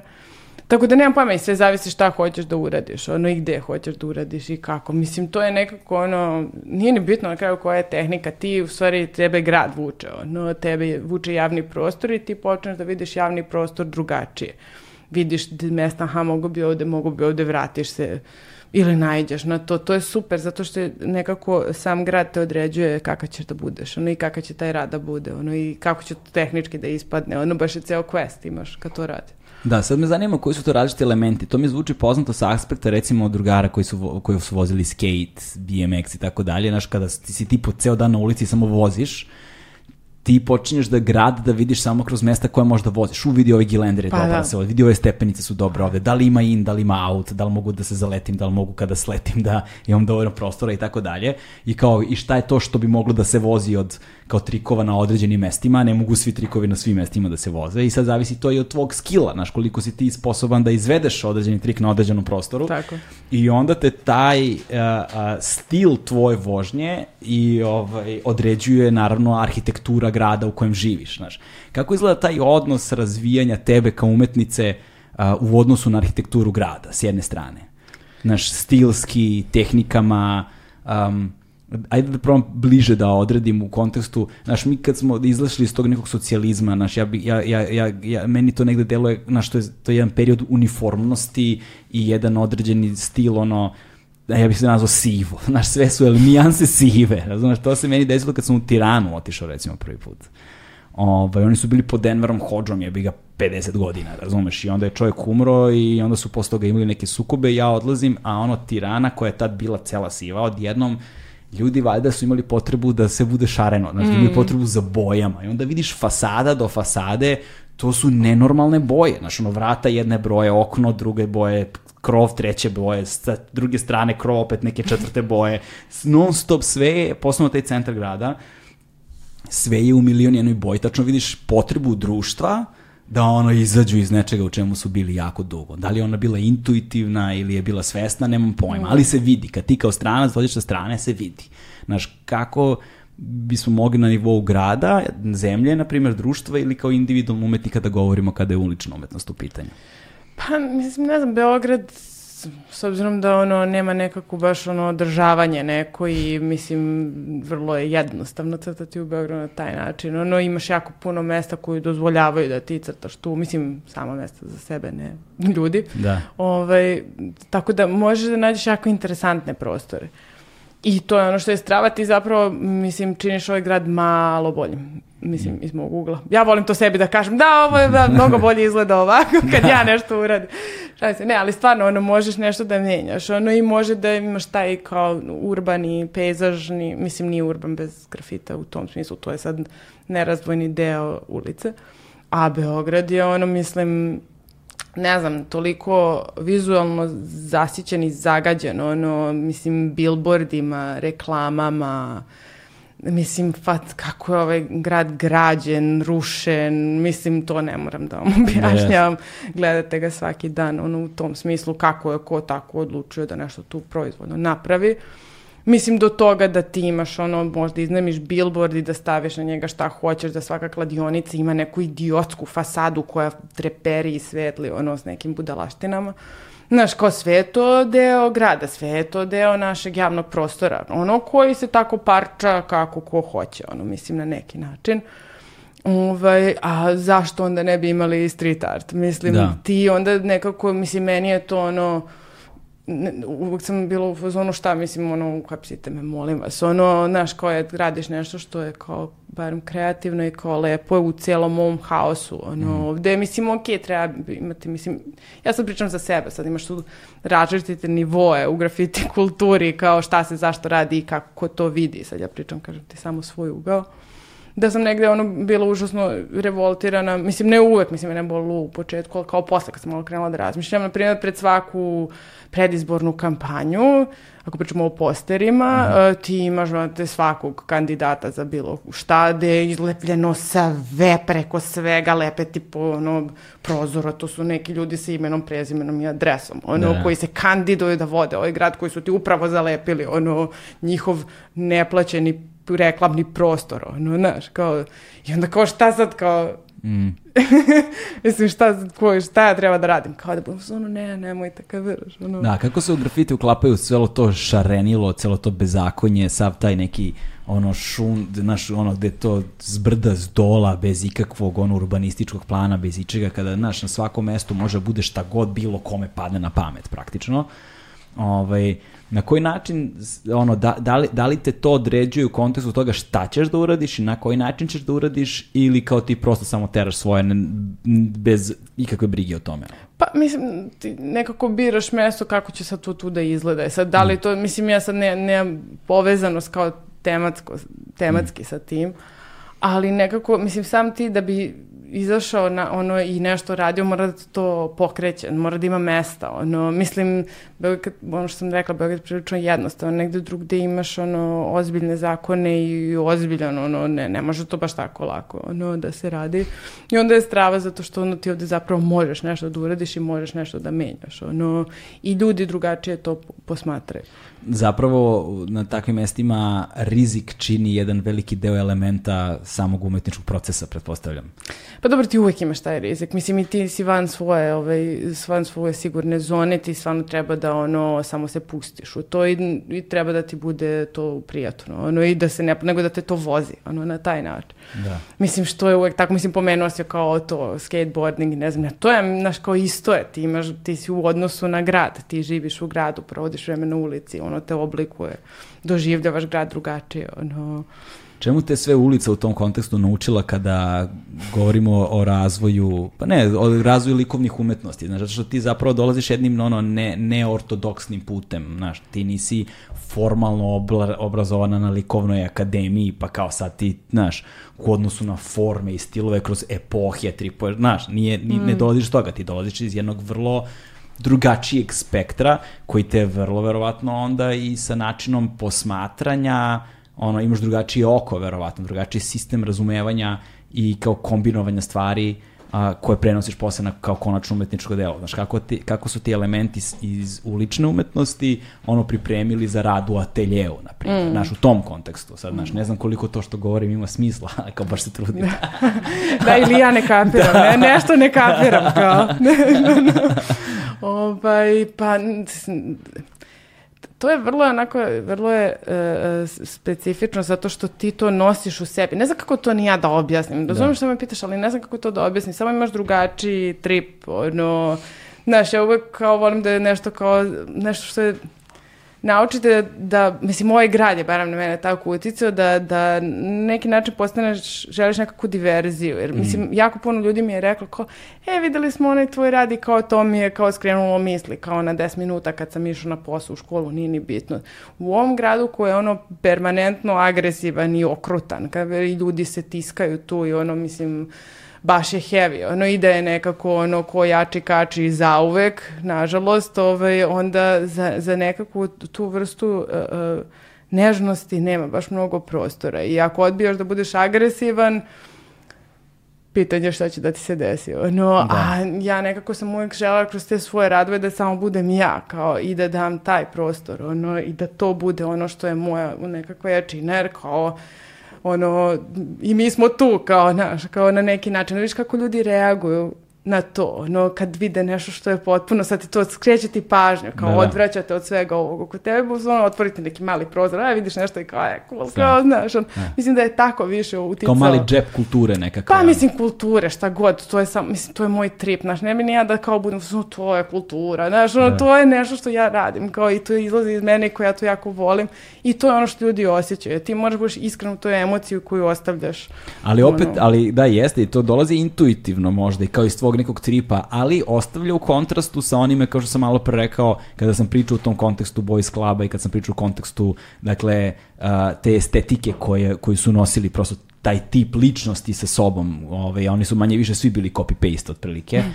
ovaj, govorimo o karakteru, znači ne govorimo o, o načinu razumevanja ulične umetnosti, ne govorim sad, oni svi poznao osobne, ne da Bože da govorim za ljude na taj način, Ovaj, I onda se pojaviš ti, recimo, kad govoriš o tom gradu koji je sav, ono, u nekom, naš, bezakonju, divljaštvu, divljina, razumeš, koja je ono prava dina, ono, džungla betonska, ovaj, i kao tu se pojavio kraljica Vila, razumeš, i kao Amelija Pulen, znači, može li veći kontrast od toga, znaš? Da, da. Znači, u tom, u tom kontekstu svakako, znaš, možda jeste tebi intuitivno, ali ono nosi težinu, da. zato što je iskreno. Da. Ovaj, e sada, dve stvari se tu otvaraju ovaj, koje su mi zanimljive. Uh, sigurno je važna kategorija ulične umetnosti njena efemernost, njena prolaznost. Znaš, činjenica da si ti to sad uradile, to može sekunde kad si otišla da nestane istog trenutka. Da. Znaš, postoji nešto u tome, posebno kad se uloži ogroman trud. Kao sad si digla skelu, ono, koliko ti treba da... Znaš, koji, koji je tvoj najveći rad, na primjer, kad govorimo o dimenzijama? Uh, 12 puta 10, ja mislim. Ja mislim. 12 metara puta 10, 10 metara. metara da. Brate, razumeš? To si skelu morala dirati. Dobro, da, ali to je drugo, to je bilo, mislim, to je mural. Drugačije je kad radiš. Mi sad pričamo o tome kad ti ideš noću tu i crtaš nešto po gradu, Aha. po nekim budžatima, ono i tebi je to strava, igraš igricu. Ono, a kad radiš tako velike formate, to je, samo imaš drugačije onda trip kad si na skeli ili onom cherry pickeru ili kako god, e onda tu sliku sad treba da ono razvučeš. Tako da ne znam, to je potpuno drugačije ili od toga kad sediš u ateljeu i slikaš uh, ispred platna nešto. Znaš, nekad ti treba da gledaš neke stvari, ono malo duže, mm -hmm. mislim, svoj rad. Znači, ti ovako na ulici, ono, ta, ta, i kao idemo pa sutra dođeš pa slikaš, ono, a nekad ti treba nešto, hoćeš da izađeš, možeš da sediš ispred toga, realno i da ga gledaš, pa onda to, a mislim, ista je stvar, mislim, emocija ista, sve isto, tehnika je ista, samo na različitim Da, ali bez obzira da. i mural kad nacrtaš može neka budala dođe i napiše ono zvezda, partizan, razumeš dole u visini koliko može da ti usere jebi ga. Pa razumeš? dobro, mislim šta sad, mislim nema, znaš ko to ti je deo, ako hoćeš time da se, ako hoćeš crtaš po ulici, pa nema plakanja, kada pirat posao, ja kao pregazili mi ovo, mislim sad može to da bude namerno, pa da to sad bude ovaj, zašto. Sukob u sceni. da, taj bif, ali ovaj, kako se zove, ali možda bude, može bilo kod, bilo šta da ti ono pregazi na taj način i nema sad tu mnogo uh, žaljenja za tim. Mislim, meni barem to nije bitno. Mm. Mislim da bi stvarno se smorila kad bi videla sve svoje radove, ono, Mislim, stalno. Ja sam, da, stalno. Da nijedan nije pregažen kao. Bukvalno i kao, mislim, ne samo to, nego kao vidiš ti, ti tehnički nešto razvijaš i idejno se razvijaš i kao, ja sad kad pogledam svoj rad od pre tri godine, ufuzno sam, u, tačno vidiš gde sam bila stegnuta, gde nisam bila sigurna, gde sam tu malo sam džidala, nije to, tako, ali kao nema veze, kao cool. A sad se to, naš, kao promenilo, bilo bi u fuzonu, ma da, ono, kreči Kreči, da. Kreči, idemo ponovo. Ono, mislim, i to ono, vučete da stalno iznova radiš i radiš i radiš, ono, i da se vraćaš, ono, na to. I ne znam, mislim, meni nije toliko bitno. Ja nemam taj problem sa tim kao ja sad čuvam te svoje radove, nešto ih hordujem ili kako god, ono, nemam ništa od Pa toga. da, ali- Pa nisam vezana za materijal, ni sad kao to je taj rad. Pa da, ali opet kažem, ono, bez obzira da je mural, sutra zid može bude srušen, zgrada može se, investitor kupio, srušio, podigao, znaš, nešto drugo. Zbog toga kažem, znači, opet postoje uh, ono, uh, elementarne nepogode, znaš, kiša, ono, sunce, stalno, znaš, to, to sve utiče prosto, okolina se menja, sve se menja, onda pozicija tog murala ili grafita na tom mestu, ovaj, ono ima svoje trajanje u tom, dakle, prolazno u tom kontekstu. Pa da. Nalazi se negde u nekoj sredini koju ne možeš da kontrolišeš. Tako je. Na kojoj nemaš kontrolu. I kao, Kao to si- život. Tako je. Ulazimo u kliše, to.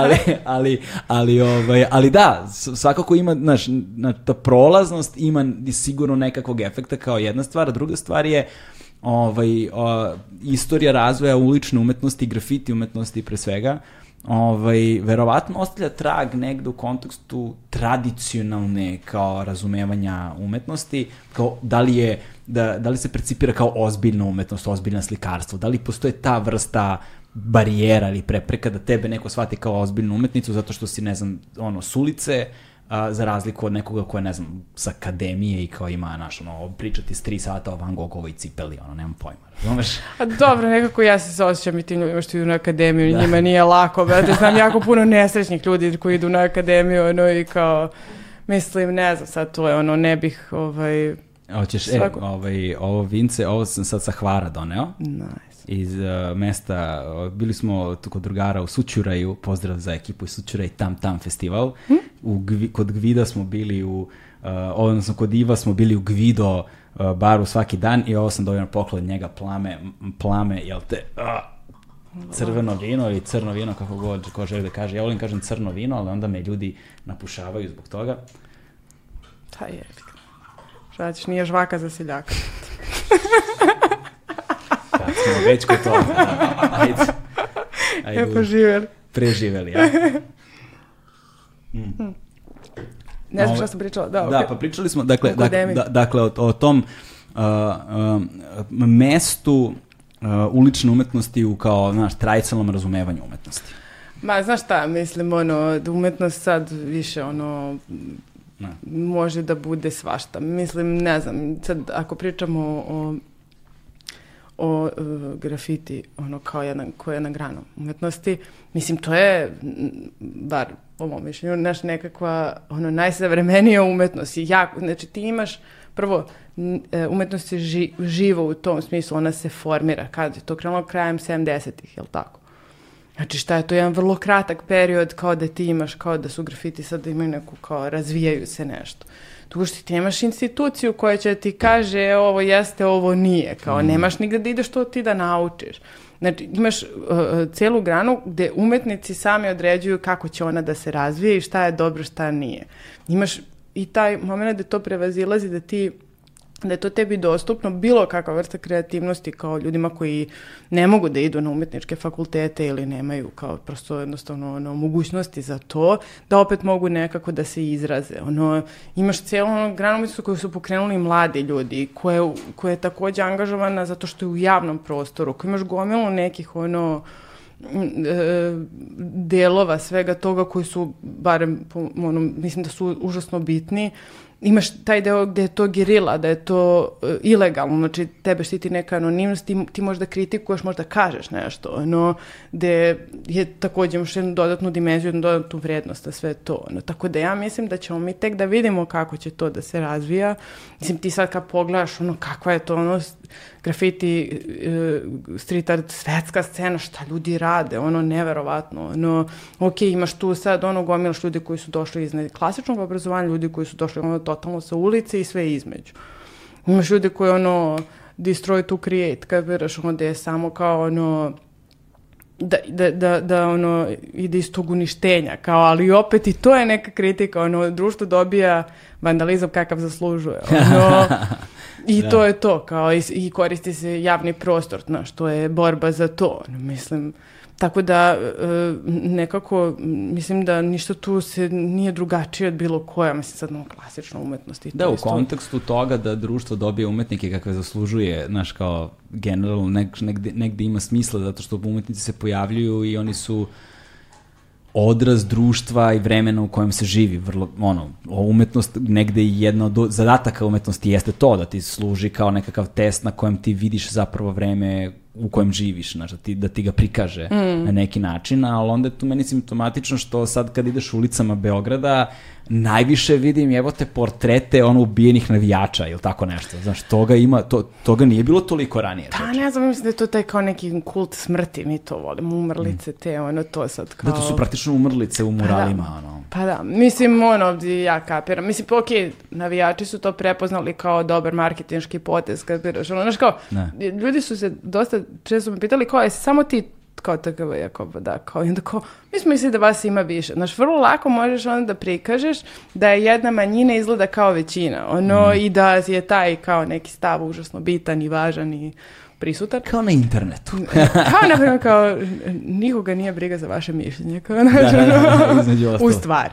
Ali dobro, mislim sad kao ako pričamo o tome, oni su to, kao, mislim, kapiramo ono prepoznali kao taj neki jako dobar način da oni tu kažu nešto svoje. Ono, tako da je to uvek to i ti imaš borbu sa tim. Ono... Ili može da izraze neku emociju, nekakav sentiment. Pa ja bih volila kad bi postali neki emo ovaj, navijački grafiti. Da.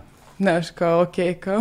pa imaju ovi, uh, ali opet mi to deluje kao neki, ne, ne, ne, neka malo bez veze reklama, ali imaju ovi Uh, kako se zovu oni, vidim da crtaju poznate muzičare. I GTR, grobarski trash romantizam, to Lovrić halucinira, ali dobro je, mislim, ok, on je tu, ima ceo taj, da. valjda ideje da se... Da tu se, se valjda vide neke da se emocije. Navijanje, da se navijanje koje kao bi trebalo bude kao cool navijanje, kao navijaš za nekakav ovaj, mm. tim, da to se uveže sa nekom kao visokom kulturom. Mislim, oni su imali onaj fanzin Ne znam, ne znam, ja to ništa ne pratim. Znaš, da, nije ni bitno. Ja samo, trebalo, vidim, ja samo vidim ovo na ulici što srećem. Trebalo je, trebalo je da bude kao povezanost Partizana i kao, kao ono, pop kulture, visoke kulture, šta god to značilo mm -hmm. sad više ono, ali nemam pojma, imali su u tom njihovom fanzinu, ono, im fore neke, ono, Emily Dickinson, stara grobarka, onda pesma od Emily Dickinson, pa je kao to nešto... Dobro, to zvuči znaš, kao, pa da, da, trebalo je da bude funny, kao, znaš, da. ono, nego ljudi ono su to tako nekako shvatili zato što je uvek ono mora da bude crno-belo. Da. da. Bukvalno. Znaš kao... eto, eto. Na, eto, eto, pa ti navije za partiju. ovaj, e sada, pomenula si još jednu stvar koja je isto velika stavka um, uh, umetnosti generalno ovaj, i bilo čemu angažovanom rekla si uh, znaš, ukoliko je umetnik anoniman, onda on ima slobodu ili jedan druga ili ukoliko je anoniman a poznat a, ima mogućnost da služi kao medijum da se prenese neka konkretna poruka na tome je Banksy izgradio celu svoju karijeru ono bukvalno on je on ili oni šta god je personifikacija toga ovaj, a gde više ne znaš da li je bitnije umetničko delo ili taj, taj faktor anonimnosti. Pa mislim jedno i drugo, ali mislim na taj način sad i neko, neko da ti dođe i kaže ono evo ovo je Banksy, kad veraš, ono ništa ti to ne bi značilo. Da, da, da. Mislim, ništa ti to ne bi značilo. Mislim, meni barem ne bi značilo, ne znam, za drugi ljudi koji vole da znaju ko je ko, ali kao anonimnost ti daje jednu vrstu slobode, ono, onda ne cenzurišeš sam sebe, ono, stvarno, onda više ne razmišljaš, razmišljaš o tome samo ono što želiš da kažeš. Da.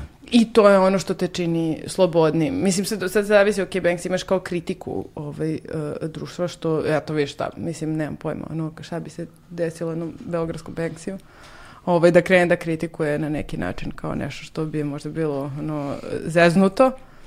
Ali, ovaj, kako se zove, mislim da, da, da anonimnost tu igra užasno, užasno, užasno veliku ulogu. I naš na kraju krajeva nije bitno ni ko si ti, ni kako izgledaš, ni mm. s kim se družiš, ni s kim izlaziš, ni to, nego je bitno ono što radiš. Da. Mene, mislim, meni je, jako mi je žao što sam ubila tu svoju anonimnost, ono baš mi je bilo lepo, ali nekako valjda ljudi su me autovali, kao svašta tu nešto dešavalo i trebalo je, kao mislim, znaš, kao moraš ljudima da objasniš šta je to što ti radiš i onda treba da kao pričaš dosta o tome. Ne znam da li moraš da objasniš, mislim da ne pa, moraš ništa. Pa, znaš šta, mislim, u tom trenutku kad sam ja krenula da crtam, znaš kao starala se jedna klima, da li će to da bude okej okay ili neće da bude okej. Okay. Bolje da imaš sredinu koja u fazonu je cool, to je okej, okay, kapiraš, ono, mm -hmm. neka bude ono iscrtano sve, nego da onda imaš ono, ne znam nije da nekome pada na pamet da je to kao nikako kao. Mislim, to je nemoguće da se desi u Beogradu, zašto bi ne morali jako puno čiste. Ali, ovaj... A znamo da im nije problem da čiste Beograd. da. I ovaj, kako se zove, tako da Otko znam, nemam pojma. Mislim, Misliš da si, e, a, pošto sad kao da govorimo za ljude koji ne znaju, ti si dugo godina operisala u potpunoj anonimnosti. Ono? Znači, vrlo mali krug ljudi zapravo koji su bliski uličnoj kulturi i uličnoj umetnosti su te poznavali, znali ko si, ali to je nekako bilo ono, to je konvencija nas koji se uzajamno znamo, pa kao ne pominješ, ne upireš prstom, ne, ne govoriš nigde. S time da je internet, naravno, su tu vrstu anonimnosti oduzeo, ono, iz udarca ti je uzme doviđenja i danas biti anoniman je teže nego ikada pre. Ovaj, ali opet i dalje ima umetnika koji uspevaju da sačuvaju nekim čudom svoju anonimnost, kao Pa nije, može da saču, samo to je ono tvoja odluka, šta ćeš ti s tim da radiš, ono, to se tako... Pa da, ali opet smo mi ovde nekoj dosta relativ, relativno maloj zajednici, znaš, ti ćeš izaći dva, tri puta na ulicu sa nekim crtačima, oni će znati ko si i tu već verovatnoća da tvoj identitet izađe van granica tvoje kontrole, ono, Dobro, to u svakom slučaju, ali opet, ono, mislim, znaš, kao ne možeš da nemaš nikakve slike na internetu sopstvene, možeš da, ne, nemaš ništa drugo osim toga što radiš, ono, da, Da. ne moraš taj cijel lifestyle da imaš, ono, da ljudi vide čime se ti baviš kad ne crtaš, nego možda ga zatvoriš jednostavno za samo to. E sad, kao, meni je žao što sad, Znaš, onda bi stvarno morao da budeš onako rigorozan i strogi, da budeš u zonu, ne, ne, ne. Sad ja nemam pojma koliko sam ja o tome razmišljala i koliko sam se ja snašla, kapiraš, kad se to sve tako nekako dešavalo. Ali sad kad razmišljam, baš bi mi bilo cool da stvarno niko ne zna kako ja izgledam. Ono, to bi mi toliko bilo super. Ali nije sad zato što, možda zato što je meni prijatnije tako, ne znam, ono... E, i- relativno često to pomenem, mislim da sam to nekoliko puta pomenuo i u podcastu ovom, ovaj, ali a, cenu anonimnosti shvatiš tek kada izgubiš. Da. To je ono što, što je problem sa anonimnošću. E, Vrednost anonimnosti postane jasna onog trenutka kada je više nema. Znaš, to je, i nema, nema nazad, znaš. Dobro, da, s internetom koji je otišao, ćao, mislim, sa tim, ono, privacy nula. Ali opet, mislim, ti sad kad pogledaš, ono, samo treba prestaneš da, fi, don't feed the feed, brate, Da, da, no, da. i ti, a- apsolutno si, ljudi ne znaju gde si. Ja nisam postovala, ne znam, ne neko vreme, ljudi su bili, što si tako misteriozna, gde si bio? Ljudi očekuju da vide gde si ti i šta radiš, jer je tako mi sad nešto kao učestvujemo jedni drugima u čemu god, kapiraš, ono, što maksimalno smara, kapiraš, ono, zato što ti kao, privacy is bad for- business, u stvari, kapiraš, ono, zašto ljudi ne očekuju da će to da se tako Dakle, dešava. privacy is bad for business, to je To apsolutno je tačno. privacy, sad ono je u stvari privacy sales, kapiraš i ljudi vole da vide šta ti to Da, radiš. s obzirom na to da ti živiš isključivo od umetnosti koju, koju, koju praviš, da li misliš da bi tvoja anonimnost u ovom trenutku pomogla ili odmogla tvoje mogućnosti da ostvariš ekonomsku ono, stabilnost? Pa dobro, mene stvarno u ovom trenutku boli uvo, Da, kapiraš, da. ono, zato što ljudi, ok, znaju šta radim, mogu da dođu do mene, kao ja sam se otvorila ka ljudima, bila sam zonu, ajde, znaš, kao, mislim, nije to sad ta zvuči kao da sam ja nešto s nekim predumišljem tu radila, znaš, nije, ali koji je ok, meni, ja hoću da komuniciram. Sve što radim, radim zato što ja hoću da komuniciram, ali mislim, komuniciram ga na svoj način. Ja mislim da sam ja, kad sam smislila ceo svoj alter ego posla malo razmišljala, bila sam ono, da, u stvari, pošto sam sam bila stidljiva i baš sam bila onako malo, nisam baš introvert, ali kao malo mi je bilo kao much ljudi i onda sam valjda smislila nešto gde kao ja mogu, da imam svoj avatar, kapiraš, koji ljudi vide, a da se ne vidim ja. Da. Mislim da je to više isto Avatar pre avatara. Bukvalno, kao da, da imaš kao taj neki moment, da možda komuniciraš sa ljudima. Pošto mene u suštini nisam, ne volim sad ja da se ono ko neki hermit izolujem tu, kao bole moje, mogu sama. Ne, ja u stvari volim da komuniciram i sve što radim je zbog toga. I onda kao, ok, kao, aj sad, d- što se tiče ekonomskih stvari, to je sad, nemam pojma, ono, ne znam, mislim, ne mogu da se žalim, baš ono, kao, trudim se da da nekako to sve bude u nekom balansu, ono, i da stalno učiš iz tih poslova koje radiš i, dobro, sad već mogu da biram, ono, na, ni, nešto nisi mogao da biraš i morao si da budeš realan, ono, šta ćeš da radiš i za koga ćeš da radiš. Mislim, št, koji angažman ćeš da prihvatiš, a sad to ne moram da radim, kaže mene, ovo ne zanima, ja je zdravo kapiram. Koliko godina si ti zapravo bila anonimna? Kada je to... ka- Kada E, je- vidiš, ne znam kad se tačno... Nemam Ovaj, pojma, znaš, ja sam mislio anonimna, ono, ja sam mislio da si ti zapravo anonimna bila, ajde, ja ću otpili, odokativno metoda, da kažem, recimo do Mire Adanje Polak. Nije kod Mire sam to, to imala sam, baš sam bila... Ne, bila si... ona, ona žuta jakna sa, onim- s onim balončićima. Znači, ja, jako je bilo smešno. Ne znam ni kako se to tačno desilo, ali, ja, ali tu sam nešto sve sleđa, imala sam kao Da, pulja, da, da, tu da. kod Mire radanje polak. geng, geng kod Mire. brate. Re, reci, a, to je, to je ovaj, kako ljudima koji ne znaju ko je Mir Adanja Polak, objasniti Miru Adanju Polak. Ja je nisam video baš dugo, ne znam šta, je, šta se s njome dešava. Ovaj, ali ona je bila, ono, ona je bila, ko bi, ko bi bio ekvivalent, ono, Miri Adanji Polak na RTS-u intervjuima koje je ona radila, znaš, to je kao... Pa, dobro, mislim, ne znam, meni je uvijek bilo inter, mislim, interesantno. Jeste, mislim, Mira je, Mira je ono, znaš, ono, suvi respekt je to, razumeš, što je, što je, što je Mira Por- Polak radila. Ovaj, svi smo negde odrastali uz nju, znaš, na, na ono, RTS-u, ona, znaš, meni je trebalo s vremenom, godinama, godine su mi bile potrebne da skapiram da kao dve osobe koje u kadru sedi i razgovaraju, ništa se ne dešava, može bude zanimljivo. Znaš, kao, vidi me sad. E. Tako da, kao sad živim u toga. Ovaj, ali da, mislim, ja bih negde otprilike smestio e, tvoj kao umetničko stvaralaštvo, znači a, period anonimnosti TKV i period nakon izlaska iz kao Pre Mire, tema. posle Mire, šta? Pre Mire, Ma posle Mire, nije nije, Mire, nije, ne. nije, nije, i posle sam, posle sam, ovaj, mislim, jebote, ne mogu da se setim, ne znam ni koja je to godina bila. Gde si se prvi put pojavila i kao bila jasna. da, nešto. Čak sam i na svojim 2010. sam imala prvu izložbu u KC gradu, znam da sam i tu nešto bila kao nisam ja. Kao... Ti si gošća na sopstvenoj da, kao, izložbi. a ne, mislim, ja uopšte ne mogu sebe, znaš, to nekad ne mogu sebe da shvatim ozbiljno, mislim, mogu, ali kao u tom smislu, meni je sve kao, meni sve je smešno, sve Da. je lololo, brate. E, ono. da. Pozdrav za Vojka. Ovaj, a, pazi, nema ništa gore od ljudi koji sebe preozbiljno shvataju. To je Pa- dosta redko grozna ljudska osobina. Pa nemam pojma, znaš kao, nekako sve što sam radila, uradila sam nekako zato što sam tako osjećala da treba, ono. Mm. I sad kao ljudi od tebe očekuju neke kao super mega ono, pametne odgovore, si provalio ono tajnu univerzuma, ono što totalno nije tako, ono. Mm. I nekako ja se trudim da da kao, da delim to kako se osjećam, da Da. stvarno kao je, ne znam ni ja, ono. Lepoта u anonimnosti još jedna je što ne postoji mogućnost izneverenog očekivanja dok ne upoznaš umetnika. Znaš, to, to se meni dešavalo, recimo, na primjer, ja obožavam književnost, ali kao ljudi koji prate podcast u fazonu, brate, kako to da nisi ugostio kao nijednog pisca do sada, razumeš? Ja, ja sam u fazonu, to mi je najveći problem. Zato što ugostiti pisce koje voliš, ovaj, može da bude ono iskustvo iz neverenog očekivanja, znaš, zato što ti gradiš sliku o umetniku, ovaj, i onda gradiš očekivanje, nesvesno ga gradiš Da. o tom umetniku i onda upoznaš umetnika i budeš u zonu, e jao, kao, šta sa mnom nije u redu. Znaš, i to se vrlo često dešava i sa društvenim odnosima. Znaš, ono, gde živimo, kako živimo, slike koje gradimo ljudima i tako dalje i onda u nekim trenucima, na primjer, meni je internet autovao gomilu prijatelja koje sam gotivio kao popune kretene. znaš, kao, znaš, ono, uh, pojavio se Twitter i jednom otkrivaš da su tvoji prijatelji budale, razumeš? Ne, Znaš, antivakseri, šta ti ja znam. Kad, kad je Twitter uveo da ono može da vidi šta drugi ljudi lajkuju, da, fejvuju. Ja mislim da to od početka, a? Nije, nije, Nije? nije, ne, nisi mogu da vidiš šta ja, ni- nisi mogu da vidiš... Šta sam, šta sam, aha, nisam, ne znam, vidiš, nemam Ne, pojma. ne, ne, jebote. ne, ja, mislim sam ja na te- 2009. Znači ima jako puno. I onda se to menjalo. Bilo je nekako se zove nešto Fav Star. Jeste, sam jeste, bio zaboravila. je Fav Star, da, da, da, da, to Da.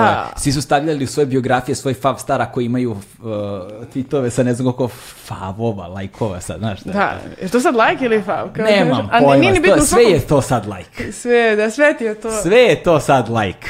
Ne, ali e, svejedno, to je meni bilo, pošto je nekako Twitter, ja Twitter koristim, nemam pojma, šeram mimove, neke gluposti, kapiraš, ono, i pravim svoju playlistu, ono, tu u sebi. I onda kad su, i nije mi kao ono Facebook, ono spamovanje, Instagram, znaš kao je bilo da vidiš sve što drugi ljudi vide i bla bla. I onda kad su uveli to, kad sam ja videla šta ljudi u stvari lajkuju i fevuju, to neke budalaštine, Da. to što, sam ono, brate, on, šta je ovo, kapiraš? To, to, ono? to. Ne, ali s druge strane, to se onda pretvorilo u socijalni kapital.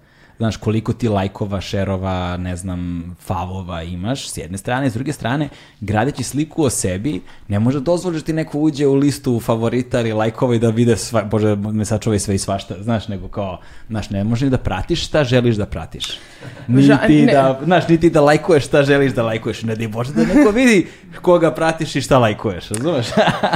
Ma, znaš šta, ne, ne- nemoj slučajno, nema opuštanja, molim vas, nemojte, pazite dobro šta lajkujete, nemojte se opuštati, nikad budite u stezi 24 sata, nemojte. Tako je. Pa to je stvorilo između ostalog kulturu takozvanog shitpostinga, znaš, ono, to je, ne- znaš, neki od najbizarnijih stvari su se desile, na internetu, znaš, prosto niko ne može da pobedi internet u tom kontekstu i to je ono gde je meni internet najdraži. Pa dobro, znaš, kao mislim, meni nedostaje mi bilo baš lepo mesto gde si tu tu nešto Šta? radio, pa internet, Da, da, da, ono, da. ne sad ono haos. Mislim, ljudi, mislim, odavno su zaboravili da sad to ide u etar, kapiraš ti Da. tvoje cijenjeno mišljenje. Ovi se tu nešto ovaj, uh, broadcastuje. Da. Ali, ovaj, mislim, meni je žao, mislim da ljude, sam, ljude to uništava. Znaš, mi, mislim da mi ne znamo da koristimo internet generalno, mi smo samo neki debilski useri, kapiraš, koji vole da kako to, aj, klikni, kapiraš, ono, i kao tu nešto što, kao, mi niko ništa nije lajkovao. Mi smo, Znaš, mi smo oni majmuni za kucaćim mašinama, znaš, ima taj Pa neki ne, dio. znaš kao, im, to, im- imamo toliko mogućnosti i toliko nekih stvari i ti sad kao zalepljen si tu, ono kao ludak, mislim, stvarno meni ono, ja da mogu, ja bi bacala moj telefon, bilo u fazonu, zašto sam ga sad uzela, što sad ja ovo radim, kapiraš, ono, Mm. totalno mi nije jasno. Ali opet tako je napravljeno da to radiš, ali samo je, znaš, kao postalo je gubljenje vremena i kao, znaš, kao... To jeste, da. gubljenje vremena i kao kidanje živaca i taj pogotovo, ja mislim za Srbiju, taj ono doom scrolling, kapiraš, ono, to je u Srbiji dosta popularno. Ono, Šta je doom scrolling? Šta je doom scrolling? Pa kad ono samo negativne vesti, samo ti izlazi A negativno. jo, brate, dobro ime, nisam čuo nikad za to. Doom scrolling, Doom kaže- scrolling, nisam da, čuo da. I ovi kako se zove i to i onda možda misliš kad ti algoritam uba, kreće da ubacuje samo ono bit će sve sraj.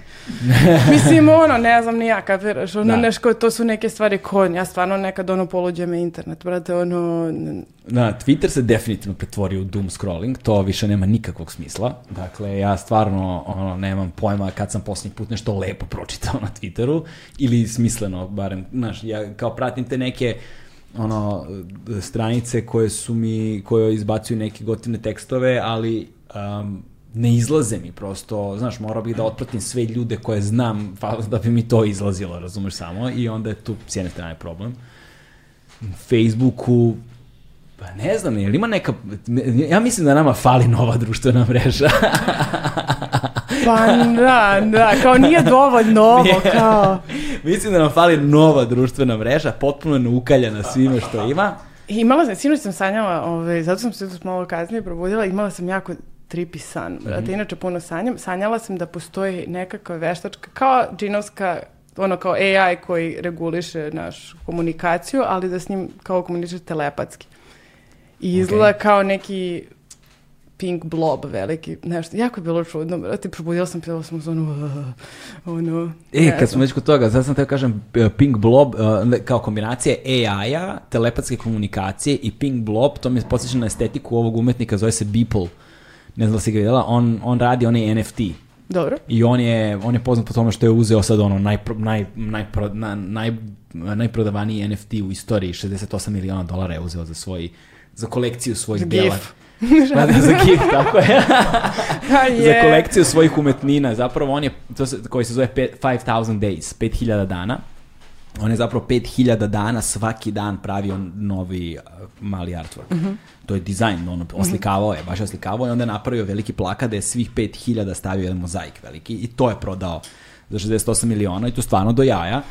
Jedino što, je, što postoji isključivo u digitalnom, znaš, ne postoji kao, mislim, možeš ti da ga isprintaš i da uradiš i ovo ono, ali kao 68 miliona da bi u blockchainu ti bio upisan kao vlasnik, to mi je ono potpuno sumanuto, ali sad ne znam kako tebe taj NFT ono dotiče uopšte. Pa, Ne znam, meni još uvijek imam neka pitanja, pa da, da Aha, mi neko odgovori. reci. Šta se, na primjer, evo, ja sad imam svoj neki crtež, recimo ovaj, kao Da. DKV, kao, i to je, N, pretvori se u NFT, znači u sliku. I šta se onda dešava sa fizičkim delom? Jer šta? Jer ja sam Ne, ja, fizički deo je tu nevažan.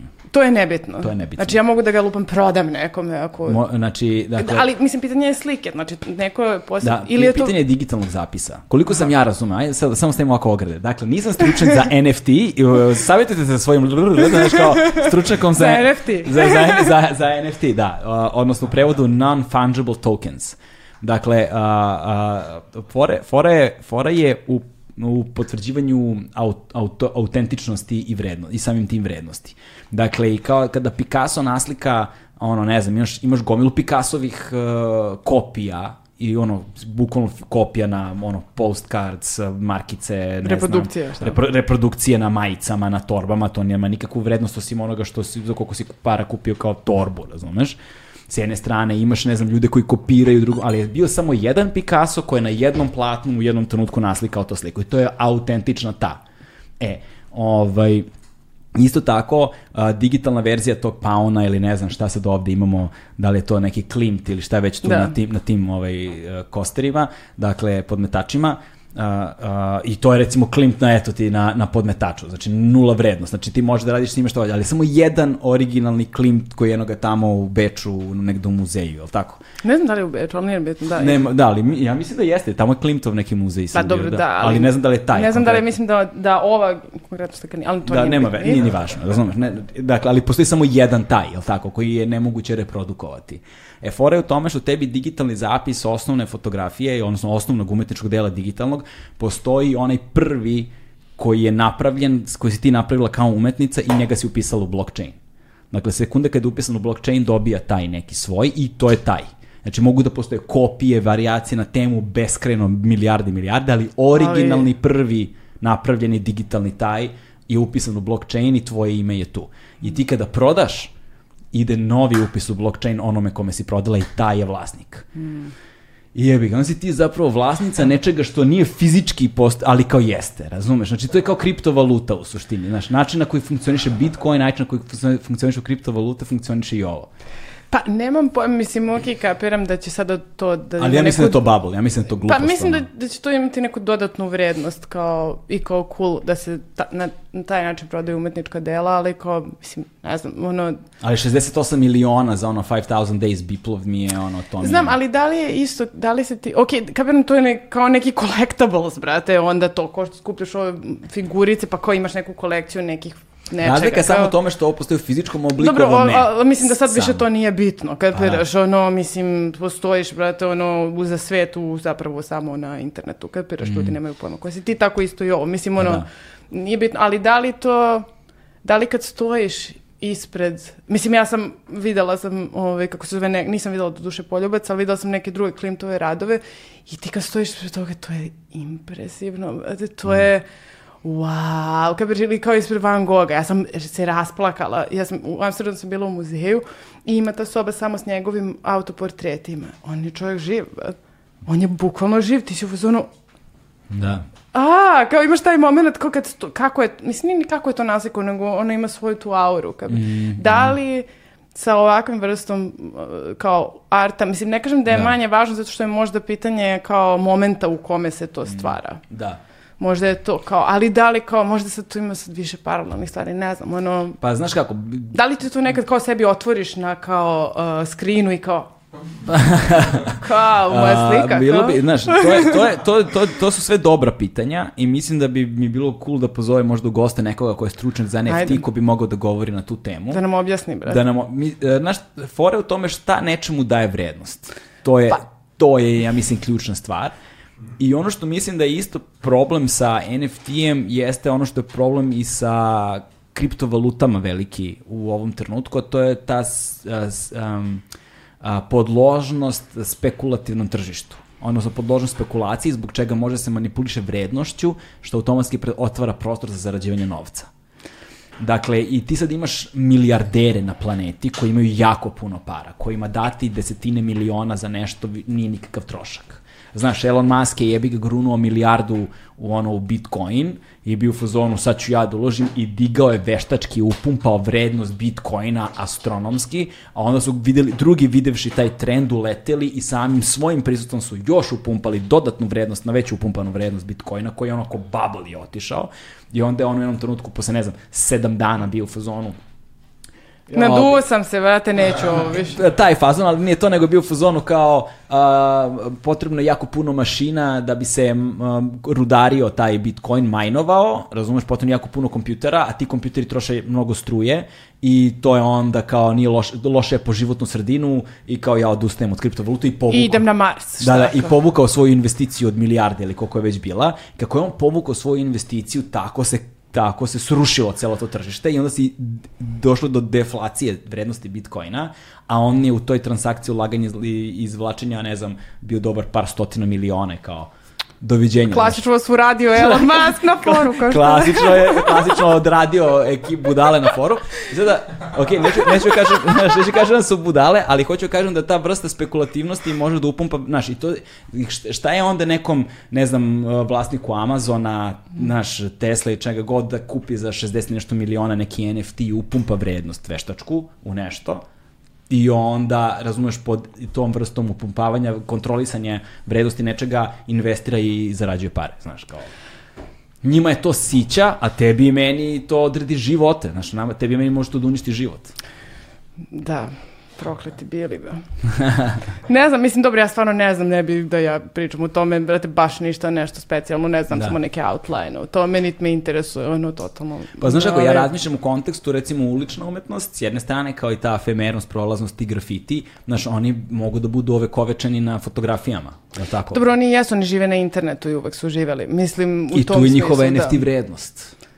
Znaš, u tome može da bude njihova potencijalna NFT vrednost. Znači, ti uradiš jedan, ne znam, ono, pis na ulici, razumeš, fotografišeš ga, da je pojma, lupetam sa analognim fotoaparatom, da to ima sad i neka fizička fotografija, da to sad bude nešto, i onda se taj zid lupetam sruši. Znaš, na, nazidaš ga negde gde dan pre nego što dolazi investitor, ono, lupetam, razumeš? Dobro, da, ono, onda treba da razmišljaš o tome kako ću ja sad ovo da vežem za, brate, NFT, sad ko imaš taj ceo, moraš da kao Da, spred... i on, ti zapravo veliki deo svojih umetničkih dela možeš da pretvoriš u NFT, jer ti jesi njihova autorka, bez Da. obzira što je neko drugi možda fotografista ovo ili ono, ali ti možda se zavedeš tu u blockchainu kao Da. ti si autorka TKV moje, ja evo ovim, ovim, kroz ovaj blockchain zapravo time garantuješ autentičnost dela. To je fora. Blockchain samo tome služi. Da garantuje autentičnost te transakcije. Znači ovo, ja sam ga prvo pisala, ja sam Uh, NFT može dobro funkcioniše za sva umetnička dela koja nastaju sad pa nadalje, pa ih automatski ih uvezeš. Znači, ne, jer neko drugi sad uze, jebi ga, neko uzme neki GIF star, ono, 15 godina Da. i, i random osoba ga prva samo upiše i šta je, sad je ona kao vlasnica. Znači, to je malo zeznuto, ali za sva nova umetnička dela može dobro da funkcioniše. Ne, ne, pa mislim ja kapiram da to ima neki potencijal koji mi se treba da razumemo prvo Da. ono kako funkcioniše pa da vidimo kako ćemo da ga primenimo i kako, kome to Opet, igra. možda lupetam. Znaš, možda sam ja sad sve ovo nalupetao, ali mislim da tu ima neke istine. Da. Ovaj, stvari samo u tome što je novo i rudimentalno na nekom nivou. Znaš, i onda on u ovom obliku na ovaj način sigurno neće postojati i menjaće se, rušit će se i menjati rušiti i menjati do jednog trenutka dok to sad ne, po, ne dobije nekakvu... Ali mislim da neka budućnost, neke metafizičke stvarnosti u kojoj više nemamo ni jednu fizičku umetninu, bože moj, možda stvarno postoji. Evo, čitala si Creepy. Gibsona, brate, pa počelo sve sa njime. Pa znam, znam, ali to je malo heavy. ba. Mislim, Cyberpunk je počeo sa njime. Pa znam, Internet jasno mi je, prostor u kome se trguje Jasno to. mi je, On jasno ga mi je, izmislio. Pa znam, kao, ali nisam mislila da ćemo baš da dođemo dotle. Znaš, kao ne, mislim, ne znam, može da bude malo heavy, kad veraš ono, sve to zajedno, kad veraš ono šta mi danas živimo i ko je to sad, da ovo početak svega to, mislim početak odavno već to tako, nego samo kao Ali to nama recimo otvara temu koju, od koje sam takođe želeo da razgovaram sa tobom, a to je upravo vrednovanje tih uh, umetničkih dela. Dakle, ti sad živiš isključivo od svoje umetnosti. Znaš, nešto što je počelo sa tim stencilima, sa ono tinejdžerkom koju je nešto bilo strava intuitivno radila i koja je ono obeležila ceo jebeni grad, razumeš, ono, sa, sa Amelijom Pulen, o kojoj nećemo da pričamo. Dobro, znam da ne, ne moramo da pričamo o tome. ovaj, ali, ali, si, ali si definitivno, znaš, imala si evoluciju, ono što mi se zapravo dopada jeste evolucija tebe kao umetnice, jer ti si uspela da a, da, da, da, da, da se promeniš, da evoluiraš, ali da zadržiš tu esenciju onoga što si bila i tada. Mm. Znaš, ti si i dalje TKV i, ti, si- i to i dalje ima istu težinu, istu vrednost, tako ne i veću, razumeš, nego što je imalo u početku, čak i dok si bila anonimna. Da. Znaš, mnogi se razvodne i to se pretvori u koliko umetnika znamo koji su postali samo dizajneri u grafičkim, ono, marketinškim agencijama. Ne kažem da je to loše, samo hoću da kažem da nisu uspeli da opstanu kao umetnici koji se bave isključivo time i žive od toga. Da. Pa Nema ne, vas puno. pa da, ne, ne znam kako se u tom Koliko, street, koliko ljudi iz street, um, street arta ima koji su, eto, da ih ti poznaješ lično odavde. Pa Dobro, ima ljudi koji se sad bave time i samo to rade, koliko ja znam, kapiraš ono sad baš... Ono, Ali da su nikli, ponikli iz street arta i žive isključivo od umetnosti koju prave. Pa, da. Mislim, ima, mislim, sad ne bi sad da, znaš, Jasno, kao... ali, kao, ali, ne, ali nema puno, to hoću da kažem. Da, Ma- ima, mali broj. da, da, da, da ti u stvari ceo svoj život podsvetiš tome. Nije to samo kao, e sad treba da zaradim i neke pare. Znači, to je način na koji ti živiš, Mm. ono, način na koji vidiš stvari, način na koji praviš odluke, sve ti je usmereno ka tome. Ono, I to je ceo lifestyle. Kad si počela da živiš od toga? I kako? Šta je bilo prvo što si prodala? Izradile pare. Wow, vidi, ili si dobila neki, ono, honorar za nešto. Ne? Za Jasminu Tešanović, za njenu knjigu sam radila ilustracije. Još neke, bila ona Nefertiti was here.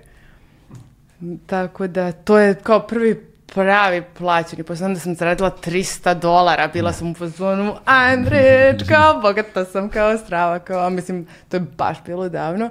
I onda su tako ljudi krenuli da me zivkaju kao za stvari i ne znam sad, mislim, ne znam kad, ne mogu sad tačno ti kažem Da. koji je ono taj moment, ali ovaj, nekako se, to se lagano razvijalo, no i samo se ono svake godine sve veći veći obim toga.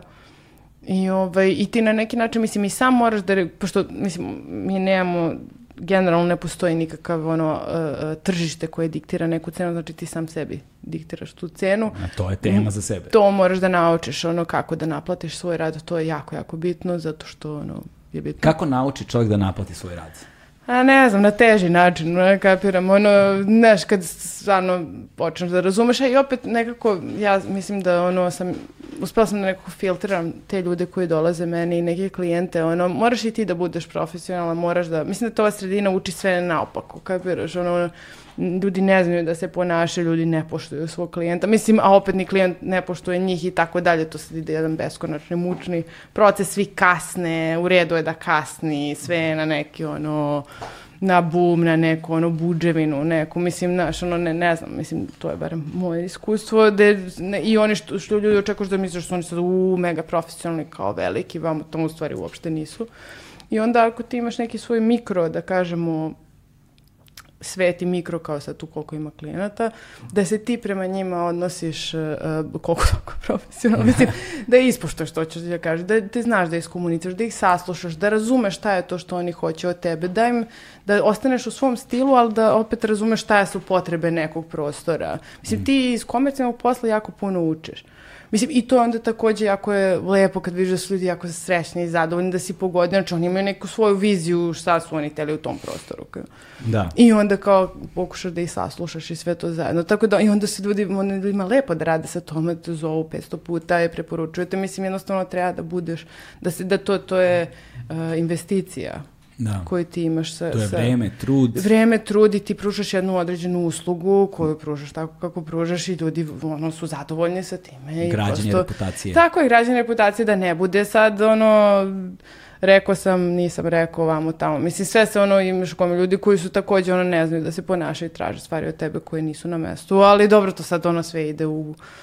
Ali ti sada zapravo prodaješ kroz galerijski ovaj, Pa ne, nekako ne, nema, mislim, ljudi dolaze kod mene, pa onda nešto se dogovaramo šta je to što oni hoće na zidu, da li to slika ili nije bitno, ono šta. Ovaj, tako da, ne znam, mislim, tu se raz... Svašta nešto se dešava. Kako, kako, k- kada si počela da radiš sa galerijama zapravo? Pa, eto, mislim, galerijama, eto, ja sam de- 2010. prvi put imala izložbu u KC gradu, Da. koji jako volim. Oni oslikavala sam tu njihovu fasadu, to mi je jedan od omiljenih projekata i tu sam skapirala da sam u stvari u panorami grada, kad gledaš s Novog Beograda, Aha. da se vidi, ono, to je taj landscape. Ove, Samo napred. Ovaj, tako da, ne znam, mislim, ja nikad nisam imala ništa protiv galerije. Ljudi su u zonu kao, a pa kako to sad kao street art, ali u galeriji? Pa, mislim, nema nikakve veze, na kraju krajeva prezentuješ svoj rad, pa ga prezentuješ samo u drugoj formi, ono. Mm. Tako da, mislim, izlagala sam u Parizu, u Lincu, raznim nekim mestima. Znaš, nije mi, nekako to mi je okej, kapiraš, moraš da imaš neki presek, kao, eto, kao ovo je sad. Kada izlažeš u inostranstvo, kada je recimo u Parizu, pomenula si Pariz, da li vidiš razliku u načinu na koji a, publika tamo reaguju u odnosu na publiku ovde ili kao, znaš, da li je to negde sličan milje ljudi ili postoje li neke stvari koje oni drugačije registruju od nas? Mislim, prosto kulturološki uticaji su jednostavno nasledđa drugačije. Pa da, mislim, ne možeš. Mislim, znaš, neko, neko imaš tamo, ljudi su navikli na to i prosto drugačije. Ljudi se interesuju i obraćaju pažnju i žele s tom da popričaju. Ljudi dođu na izložbu i onda kao, stvarno kao ulože vreme da pogledaju to što si ti uradio i pitaće te 5000 pitanja. Ono, mm. zašto je to tako? Ostavit će neki komentar u neku knjigu utisaka. Ko imaće, žele neku vrstu interakcije. I dobro, parijska publika je u fazonu, ti si došao kod nas, kao, znaš, ono, šta je to što ti radi? Znaš, imaju malo, znaš, oni, ti imaš ono, možda vidiš sve i svašta, ono, i sad ti biraš ono sad, ono, kome ćeš ti da zapadneš za oko. Mislim, ne biraš, mislim. Da. I ovaj, kako se zove, tako da na neki način samo je drugačije ljudi, kažem ti, ono, hoće da, da nešto razmene. Mm -hmm. I nemaš ti, ono, ljudi obično dođu ovde, op, naprave krug, ono, kao u zonu cool, i kao, to je to dobro, mislim, otvaranje, ne, ne možeš ti sa svima da baš pričaš, ali kao, Samo je drugačije. Kao. Ljudi, mislim da se ovde malo više imaju neku, suzdržani su kad treba, mislim da iskažu svoje mišljenje na, na temu šta je to što ti radiš. Ono, ti moraš da čuješ kritiku i moraš da čuješ mišljenje od ljudi. Ono, I to ti treba, treba ti da ti ljudi kažu, je brate, ovo ti je bez veze ili ovo mi je baš super, ali da ti argumentu što je to tako. Ono, Znaš, kao... Kako izgleda to suočavanje sa kritikom? To je bez obzira na delatnost u kojoj se nalaziš, ono svako suočavanje sa kritikom nikad nije ono jednostavna stvar, ali kako znaš kome verovati, na koji način verovati? Pa, znaš, kako, kako funkcionišu te relacije, posebno u likovnim umetnostima, znaš, mislim, nekako, meni je uvek bilo teško da odredim, kako bih ti rekao, stanem pred neko pred neko likovno delo i sad me neko pita, a, ajde reci mi, sad ti, znaš, nemaš pojma da li je to sranje, da li je to dobro, Pa samo da li je tebi, jer tebe to nešto, je ti to nešto, je ti menja nešto. Pa da, mislim... da, ali ta duboka subjektivna stvar, kao odnos, na šta, to su taj duboko subjektivni odnos prema tome, ok, da on jeste uh, važan za onoga ko je potencijalni kupac ili nekoga ko je, pot, ko je posmatrač. Ali kako se onda ta subjektivna stvar koja je do svakog čoveka, od čoveka do čoveka drugačija, kako se ona nekako kodifikuje kao nekakav univerzalni tr jezik komunikacije, da kao sad možemo da postavimo, sigurno si bila situacijama, ne znam, ti još nekoliko umetnika ili umetnica, koji se ba, koje se bavite, ne znam, istim, sličnim ili šta god, ali da vas rangiraju drugačije, znaš, na osnovu čega se to onda radi. Znaš, kao vas tri sedite i jedna, ne znam, naplaćuje svoje, ne znam pojma koliko, ova druga, ne znam pojma koliko i ti ne znam i kao, a da su razlike među vama astronomske, ili kao čemu je fora. A da je negde legitimno, negde nije legitimno. Znaš, kad dođe do stavljanja ono cene na nešto, to, samo to ne razumem, znaš, kao kako to funkcioniše, znaš, i kao kako ti potvrđuješ a, vrednost toga što praviš? Možda postavljam glupa pitanja, nemam ne, pojma. Ne, to su dobro pitanja, to su dobro pitanja jer mislim, to sad ja ne mogu da ti odgovorim, da. zato što ono što sam pomenula malo pre ne postoji ne postoji art market, ne postoji tržište koje bi trebalo to nešto da diktira. Mm. I kako si ti snalaziš u tržištu koje ne pa, postoji? Pa ne, nisam, snalaziš se, mislim, ne znam, treba biti realan ti otprilike, mislim, ono, možda znaš koliko nešto možeš da prodaš, da ti budeš ok sa tim, to bi možda negde drugde koštalo više, ali mislim ti sad ovde u ovoj situaciji u kome to, mislim nisu kada kažem ni male, velike pare, ali su znaš kao ok. Mm -hmm. I ovaj, e sad nemam pojma sad, ono mi na neki način, ja mislim, ko neki pećinski umetnici, znaš, kao ti zapravo ne znaš kako stvari treba da funkcionišu. I na neki način sad da li se to ono, da. ako je jednom rad prodat za te i te pare, on ne može da bude prodat posle za manje para. Mislim, mm. i da li to negde neko beleži i, mislim, to, tome služi ono art market, kad veriš, ono tome služi to da se time neko, zato imaš galeriste, imaš posrednike, neko ko će da promoviše to na taj način. Ne sad, mislim, ne bi ni ja mnogo sad da dajem o tome, jer to je sad pitanje za sve nas, ono, koji smo u kulturi umetnosti šta god, kad biraš od, ono, samih umet, umetnika do, ovaj, do, do istoričara, do galerista, do, nemam pojma, sve to zajedno ima veze. Jedna stvar koja mi je takođe zanimljiva kod uličnih umetnosti, koju ćemo, koju ćemo da pomenemo kao sledeću temu, samo bih volio pre toga kad smo već pomenjali Pariz i to sve, ti si zapravo postala viteškinja, je li tako? A? Šta je to? Šta, oh, dobila si orden neki? Slušaj, mene dobio si neki order, brate. Tebra. Tebra, Znaš neki kakav order. je, brate? Kakav je? Va, Jel veliki? Zelen, nije, nije, ali dobro. Da.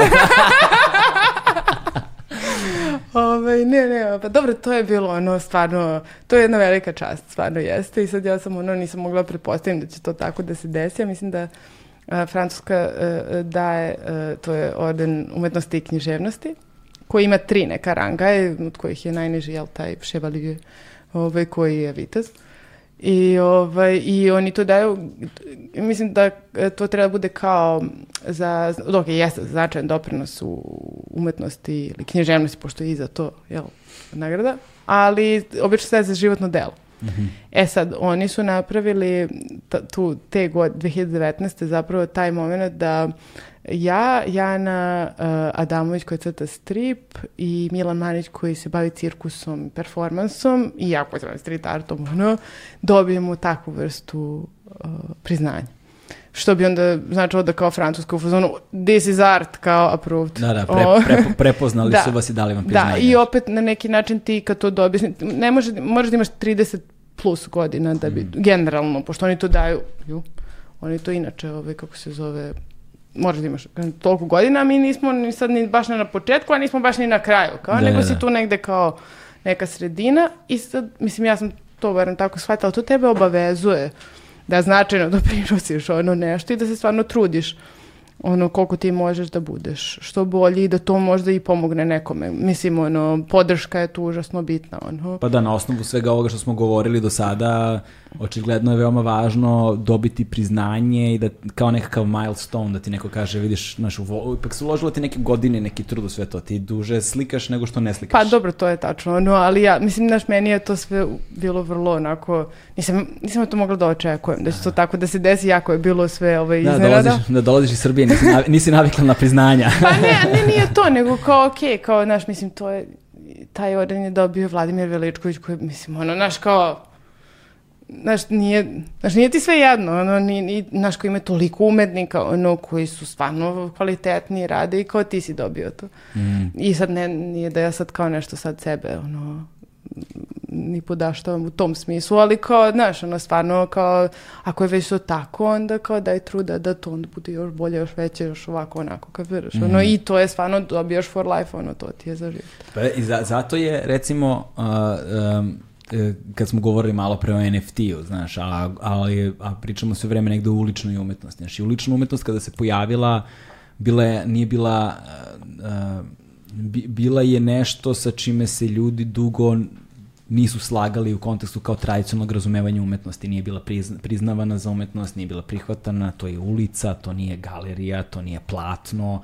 Znaš, razumevanje prostora za umetničku kreaciju, ulica nekako dugo joj je trebalo, znaš, dve decenije sigurno je bilo potrebno i više da počne da se priznaje kao legitimna leg- legitiman umetnički izraz, a onda se postavlja pitanje evolucije samog prostora.